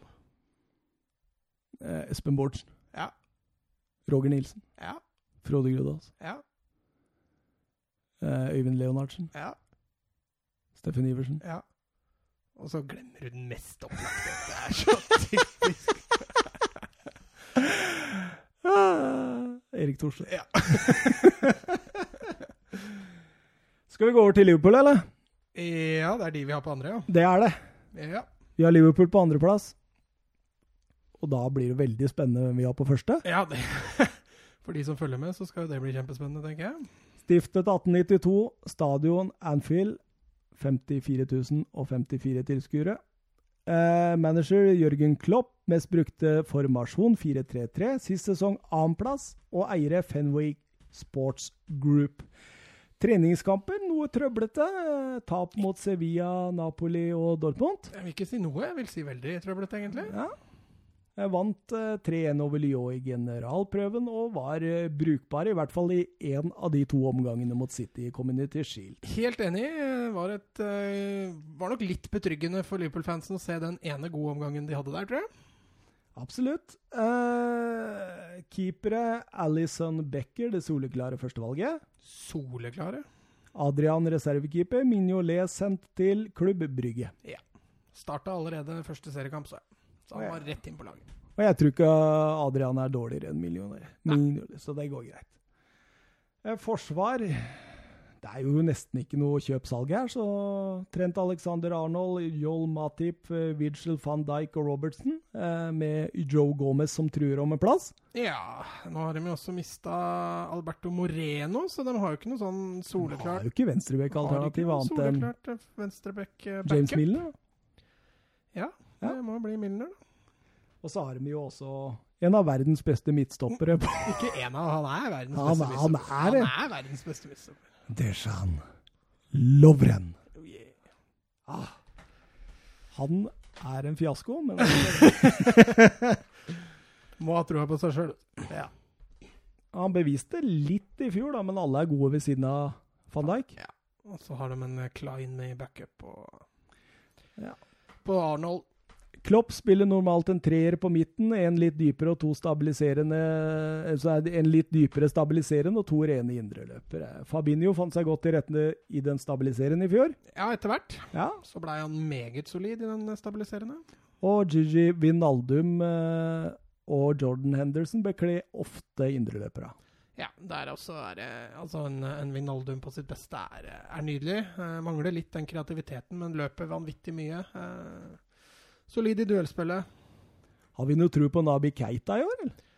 Eh, ja, Ja, Jeg tror kanskje han kan få en litt sånn oppsving. jeg. Ja. Eh, ellers så har jo Klopp også sagt at de har fått to nye spillere, i Oxlade Chamberlain og Adam Lallana. Lallana. Chamberlain har jo fått spille litt i år. Eh, litt fordi eh, Salah, Firmino og Mané har jo vært borte omtrent hele oppkjøringa. Eh, og så har de også denne unge, lovende Brewster som eh, Han er mer en spiss, er han ikke det? Eller en kantspiss? Jo, jo, Ja. men uh, konkurrerer jo litt med Chamberlain uh, offensivt. Ja. Ja, angrep en eh, velkjent treer, Firmino falsk nier, Mané venstre, Salah høyre. Til sammen 56 Premier League-mål sist sesong, som utgjør over 60% av Liverpools mål. Ja. Så mye står og faller på denne supertrioen. da. Ja, en fantastisk trio. Og dette har vi også vært innom, at uh, den trioen er det ingenting feil med. Det er vel mer backupen til den trioen vi, Ja. vi tviler på. Og det som er greia, det er at alle de tre har vært gjennom mesterskap i sommer. Ja, Salah har riktignok spilt litt nå i det siste, men Mané og, og Firmino har jo nesten akkurat kommet tilbake igjen. Jeg tenker på frykten for den belastninga òg nå, da. ja, altså de får jo ikke en ordentlig oppkjøring. De får ikke lagt et ordentlig grunnlag, og da har vi sett at skader kan fort florere påfølgende sesong. Og hvis da Tottenham får henta Dybala og co., så kan det bli kamp. Da blir det kamp. Eh, Manager Jørgen Klopp har gjort en formidabel jobb med Liverpool siden han tok over i 2015. Den første sesongen endte dog på åttendeplass, men eh, da lå, lå Liverpool en del bak når han tok over for Brennan Rodgers midt i sesongen. Ja.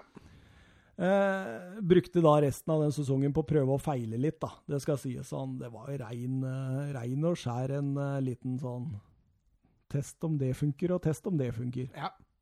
I 16-17-sesongen tok han Liverpool til en fjerdeplass og sikret dem den viktige Champions League-plassen med ett poeng. Margin til Arsenal. En Champions League-plass som til slutt ga dem finale mot Real Madrid. Mm.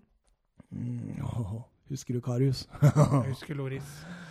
Oh, men eh, de tok seg jo til en ny Champions League-finale.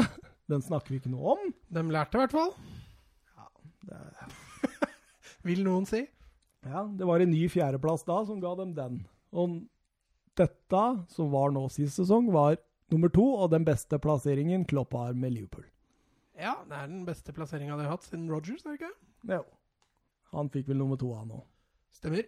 Det var da det ikke skulle glippe, det. Og Det glapp for Gerard, i hvert fall. This was Hva er han sa det igjen? Uh, don't slip this, eller noe sånt. da. This was not, will not be slip. Og så slipper han sjøl. Åh! Så kom han eh, godeste gjennom, han svære spissen til Chelsea. Dembaba. Demba Ba, ja. Eh, Bekkene, en svært viktig del av Klopp sitt offensive spill, kommer rundt på kantene, vingene trekker seg inn, og bekkene kommer rundt for å slå innlegg. Såpass ekstremt er det at, eh, Alexander Arnold er bookmakeras nestfavoritt for flest assist denne sesongen. Ja, det er vel ingen i Premier League som kan matche bekkene til Liverpool. Hverken, I hvert fall ikke offensivt. Eh, slenger du med en van Dijk der og en angrepsrekka til Liverpool, så er blant de mest solide startelverne i, i Premier League. Ja, det er dem. Eh, nummer én Oh yeah. Pep. Manchester City. Stifta 1880. Stadion Etiad Stadium. Manager Pep Guardiola. Mest brukte formasjon 4-3-3. Sist sesong. Premier League gull. Eiere City Football Group ved Sheikh Mansour. Eh, treningskamper UB-seira gjennom sommeren. Uavgjort mot Wolverhampton og Liverpool i Community Shield. Vant og tapte hver sin straffekonk der. Eh, men ting virker greit, og Pep virker av stålkontroll. Gjør han ikke det? Jo, men det er ikke noe Satt nytt. du og tok deg på noe- nipperen? Hva sa du for noe? Satt du og tok deg på nipperen? Nei, jeg klødde på brystet. Å, Så jeg bare løfta opp T-skjorta for Jeg å klø. trodde du satt og kosa med nipperen mens Nei, jeg snakka om Pep. nei, det- Du er ja, jo glad i Pep. Kunne fullt ha gjort det, men uh, ikke når det er folk til stede. det, er, det er sånn du gjør i sofaen alene. eh, Ederson og Bravo må sies å være en god duo. Eh, ja, der har de en solid duo, i hvert fall. Bravo har riktignok kløna litt i historien, men, eh, men er en decent reservekeeper. Ja, absolutt. Og begge er ekstremt gode med ball i bein. Ja, det er vel pri én når Guardiola setter keeper, i hvert fall. Edersen var jo en ganske habil utekeeper, men han starta jo ikke som keeper før Nei, han han var sånn 14-15 år. Ja, ja, stemmer. Men uh, ja, nei, det Han har vel tydeligvis spurt Pep òg om han kunne spille ute en kamp. Fikk nei der, altså. Ja, han gjorde det. Han gjorde det. Eh, forsvar eh, Solide backer, i hvert fall nå som Danilo er på vei ut og Cancelo er på vei inn. Eh, da får de et bra back eh, med, med Cancelo og Walker på høyre, og så med, med Mendy og Sinchenko. Zinchenko. Zinchenko på venstre. Så er det jo stoppeplassen da, som vi har eh, satt litt spørsmålstegn ved. Ja, jeg skjønner ikke dette der, der. Hvorfor de ikke nå, nå sa Pep Guardiola at han var interessert i Maguire, men at han blei for dyr. Mm. Så han har jo tydelig lyst på en inn der, da. Men nå så jeg også at tidligere Barcelona-talentet Erik Garcia satt på benken eh, under eh, Community Shield-kampen. Ja. eh, det Han er du glad i. Ja, er en kommende stopperkamp, stoppekjempe, det. Uh, Kommende stoppekamp. kommende stoppekamp. Men nei, altså en Mangala er jo antageligvis uh, gone, og da sitter de igjen da med Otamendi, Stones og uh, Laporte. Så blir det spennende å se da, om ikke denne Erik Garcia tar den fjerde stopperen. da. For det ryktes ikke all verdens inn med stoppere. Savna Company, altså. Det er tungt. Ja, det blir, det blir tøft, det. Mm. Eh, midtbanen, Rodri henta for 70 euro eh, for å erstatte Fernadinho. Fernadinho kan gå ned på den Ja da, de har spekulert i det Mm. òg. Eh, David Silvas eh, kontrakt går ut etter denne sesongen. Da drar han til Spania, så det blir hans siste. Ja. Eh, men eh, blir det Valencia, eller? På Silva? Mm. Han er jo et Real Madrid-produkt, da, så få se. Ja, han har jo knapt nok spilt i Real Madrid. Nei, han har spilt veldig lite i Real Madrid. Eh, Men ja, det var jo i Valencia han slo gjennom. Eh, Gundogan, Finn Foden, Kevin De Bruyne og Bernardo Silva er alle spillere som kan fylle den indre løpet. Ja, nå må du ikke glemme Mikkel Diskerud, da. Han er jo Er han i City? Han er i City. Hæ? Visste du ikke det? Nei, jeg er leid ut, da, men han er i City-eie. du tuller nå? Nei, jeg tuller ikke. Nå ser jeg for meg midtbanen med Rodri, Mikkel Diskerud og Kevin De Bruyne. Ja, ja, det hadde vært kjempegull. Eh, angrep eh, Sergio Aguero og Jesus eh, Gabriel. Gabriel Jesus, ja. Ja, sentralt. Jesus kan også dra ut på kantene. Eh, Stirling på den ene, Leroy Sané på den andre har vært gjennomgangsmelodien de siste sesongene. Ja. Stirling har 35 mål på de to siste Premier League-sesongene. Og Riyad Mares, et alternativ. Bernardo Silva, et annet. Eh, uansett, strålende offensivt. Definitivt. Uh, offensivt er jo City. Altså, de har, I motsetning til Liverpool så har de også en solid bredde. Uh, og Det er litt derfor jeg også heller mot at City blir nummer én. De kan spille på flere arenaer på et høyt nivå uh, enn det Liverpool kan. Eh, og derfor så i hvert fall har jeg dem foran Liverpool. Pep Guardiola, den største stjernen av dem alle, kan man si, i forhold til managerrollen i Europa. Ja, jeg titta kjapt gjennom hvem som har flest titler, siden Guardiola begynte riktignok i 08-09-sesongen. Og han har jo mer enn det dobbelte av hva f.eks. Mourinho har på den tida. Så han er en soleklar uh, nummer én i, i, å ta titler, i hvert fall. Ja, det er vilt. Han har jo gull i både Bundesliga, Premier League og La Liga nå. Han har jo Champions League to ganger med Barcelona. Han har cuper i alle de ligaene? Ja, det, det, florerer. Pluss en haug av individuelle sånn årets trener, ja. årets manager. Han, er, eh, han, er, stor, og han er innovativ, og han utvikler seg hele tiden. Han er hele tida på jakt etter å utvikle seg sjøl og laget. Ja. En artig type.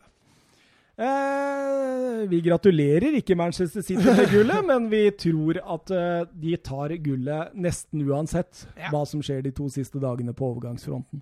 Jeg er eh, Altså, jeg føler meg egentlig litt trygg. Selv om Tottenham skulle greie å få inn en Fernandes og en Dybala f.eks., så tror jeg likevel City tar det. Selv om Liverpool Altså, jeg frykter egentlig mest for Liverpool av de tre at jeg kommer til å bomme. Ja. Ja, ja. Ti minutter igjen til du skal kjøre ungen til det talentiade, holdt jeg på å si, til audition. Ja. Skal vi ta ukas talent kjapt? Ja, det kan vi gjøre. Eh, skal jeg begynne? Siden du begynte sist? Ja, begynn. Eh, mitt ukas talent, eller episodens talent, er Jeremy Duku. Har du hørt om han? Nei. Nei. Født 27. mai 2002, 17 år. Født i Borgerhut i Belgia. Klubb Anderlecht, kontrakt til 2021. Mm -hmm. eh, nasjonalitet eh, belgisk med ghanesiske aner. Eh, posisjon venstrekant, men kan også spille spiss. Mm. Jeg har tråklet eh, Anderlecht-akademiet siden han var liten gutt, og vært fast invitar på Belgias U15, U16 og U17. U17 eh, har han rukket å få 16 kamper og skåre 6 mål, og var fremdragende i Belgias U17-EM i 2018. Han har spilt begge kampene for A-laget til Anderlecht eh, så langt denne sesongen, så han har allerede spilt seg inn fast. Det er sterkt. Etablert. Ja. Samfulle 90 minutter ganger to, og har rukket å få seks A-kamper til sammen mm. for Anderlecht. Eh, hvis jeg skulle beskrive spillestilen hans, så ville jeg brukt to ord. Jaden Sancho. Spennende. Ja.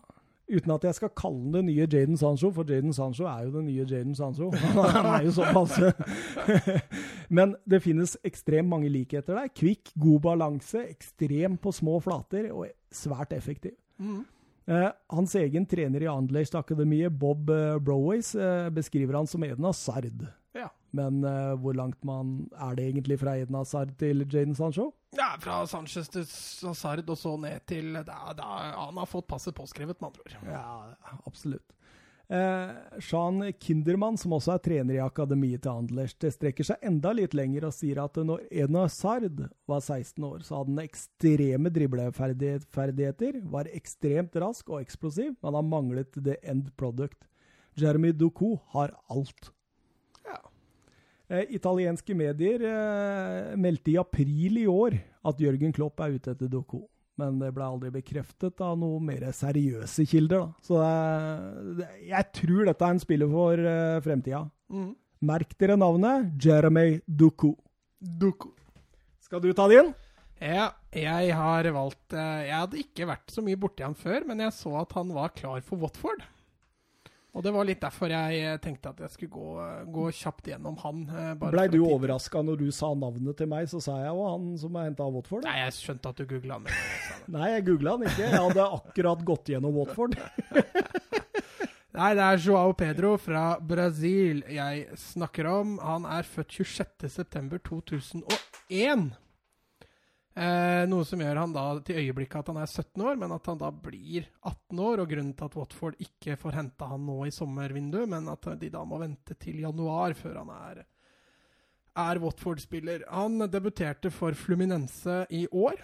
Eh, har spilt åtte kamper, skåra tre mål og er en offensiv type. Eh, karakteriserer han som en spiss, men har også blitt brukt på, på kant og off midt i Fluminense. Han, eh, For å legge litt press på skuldrene hans, så har han blitt eh, først og fremst sammenligna med, med Fred, brasilianske storskåreren, hvis vi kan si det. Ja. Eh, Men han har også blitt linka til f.eks. Harry Kane. Å, altså, han, er en, han er ikke en typisk brasiliansk spiss? Nei, han er en spiss. Spiss. En, en goalgetter. En typisk nummer ni. Ja. Uh, han er like høy som meg. Han er 1,82 høy. Uh, så han er ikke noe sånn spesielt duellsterk. Av det jeg har sett på, på, på YouTube og filmer jeg fant av han, så, så er det en litt sånn dukke opp-spiss, samtidig som det at han, å sette han opp én mot én, så blir han, blir han livsfarlig. To av de målene han har scora for Fluminense i år, er, eh, er var rett og slett nydelig å se på. Eh, Spørsmålet er om, om ikke Watford og Premier League kan være en litt for tøff eh, overgang for, eh, for han, men at han kommer til å bli en, en stor en, Ikke nødvendigvis en storspiller, han har potensial til å bli en verdensklassespiss, men han er litt avhengig, tror jeg, av å få riktig, riktig utvikling. Watford eh, stiller jeg meg litt spørsmål ved om er en riktig spillestil, med tanke på at han skal konkurrere mot uh, Troy Deeney og, og, og Andrew Gray, så det blir, det blir veldig spennende å se. Se forresten, han er henta av de samme folka som henta Rikarlisson til Watford i sin tid. Ja, det stemmer faktisk.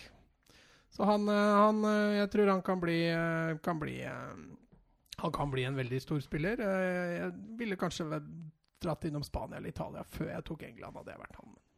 Men eh, siden han er stor og sterk, så kan det jo være greit likevel. Jo da. Rick Carlisson har jo takla overgangen, han. På absolutt ikke med noen måter avskrive han. Eh, Jeg tror han eh, kan kjempe om, om en plass i Watford. Kanskje ikke fra januar, men fra neste sesong. da. Deilig, deilig. To gode talenter der. Det blir spennende. Ja. Eh, vi har utdelt gullet til Manchester City. Vi har sagt at Liverpool blir nummer to, Tottenham tre, Manchester United fire. Vi har sagt at det blir enorm kamp om den fjerdeplassen, og at eh, Sheffield United, Brighton og Norwich rykker ned. Ja, den også blir det jo kamp om. Vi har jo stilt spørsmålstegn til Newcastle, og vi var jo veldig i tvil mens vi prata om Palace, at kanskje de surrer seg ned der, dem også. Nei, det er nok ikke noe fasit vi har kommet med, men eh, jeg tror det er mye gode tips her. Og kanskje den dagen Tottenham slår overgangsrekord med Dybala, så har vi slått uh, rekord i antall lengde på podkasten. Ja, det blei så lenge. Tre timer og fem minutter, altså. Oi, oi. Ja, jeg begynner å få dårlig tid, så du får bare eh, Sæla på. Ja. Nei, vi, uh, vi kjører på, vi. Uh, sier ha det bra, og at vi kjører Coutinho-konkurransen i løpet av uka. ja. Og så neste uke så blir det jo matcher igjen. Da blir det Premier League, da. Det Da blir blir jo Premier League til helga. Og så må vi jo kjøre en preview på La Liga og Bundesliga, da.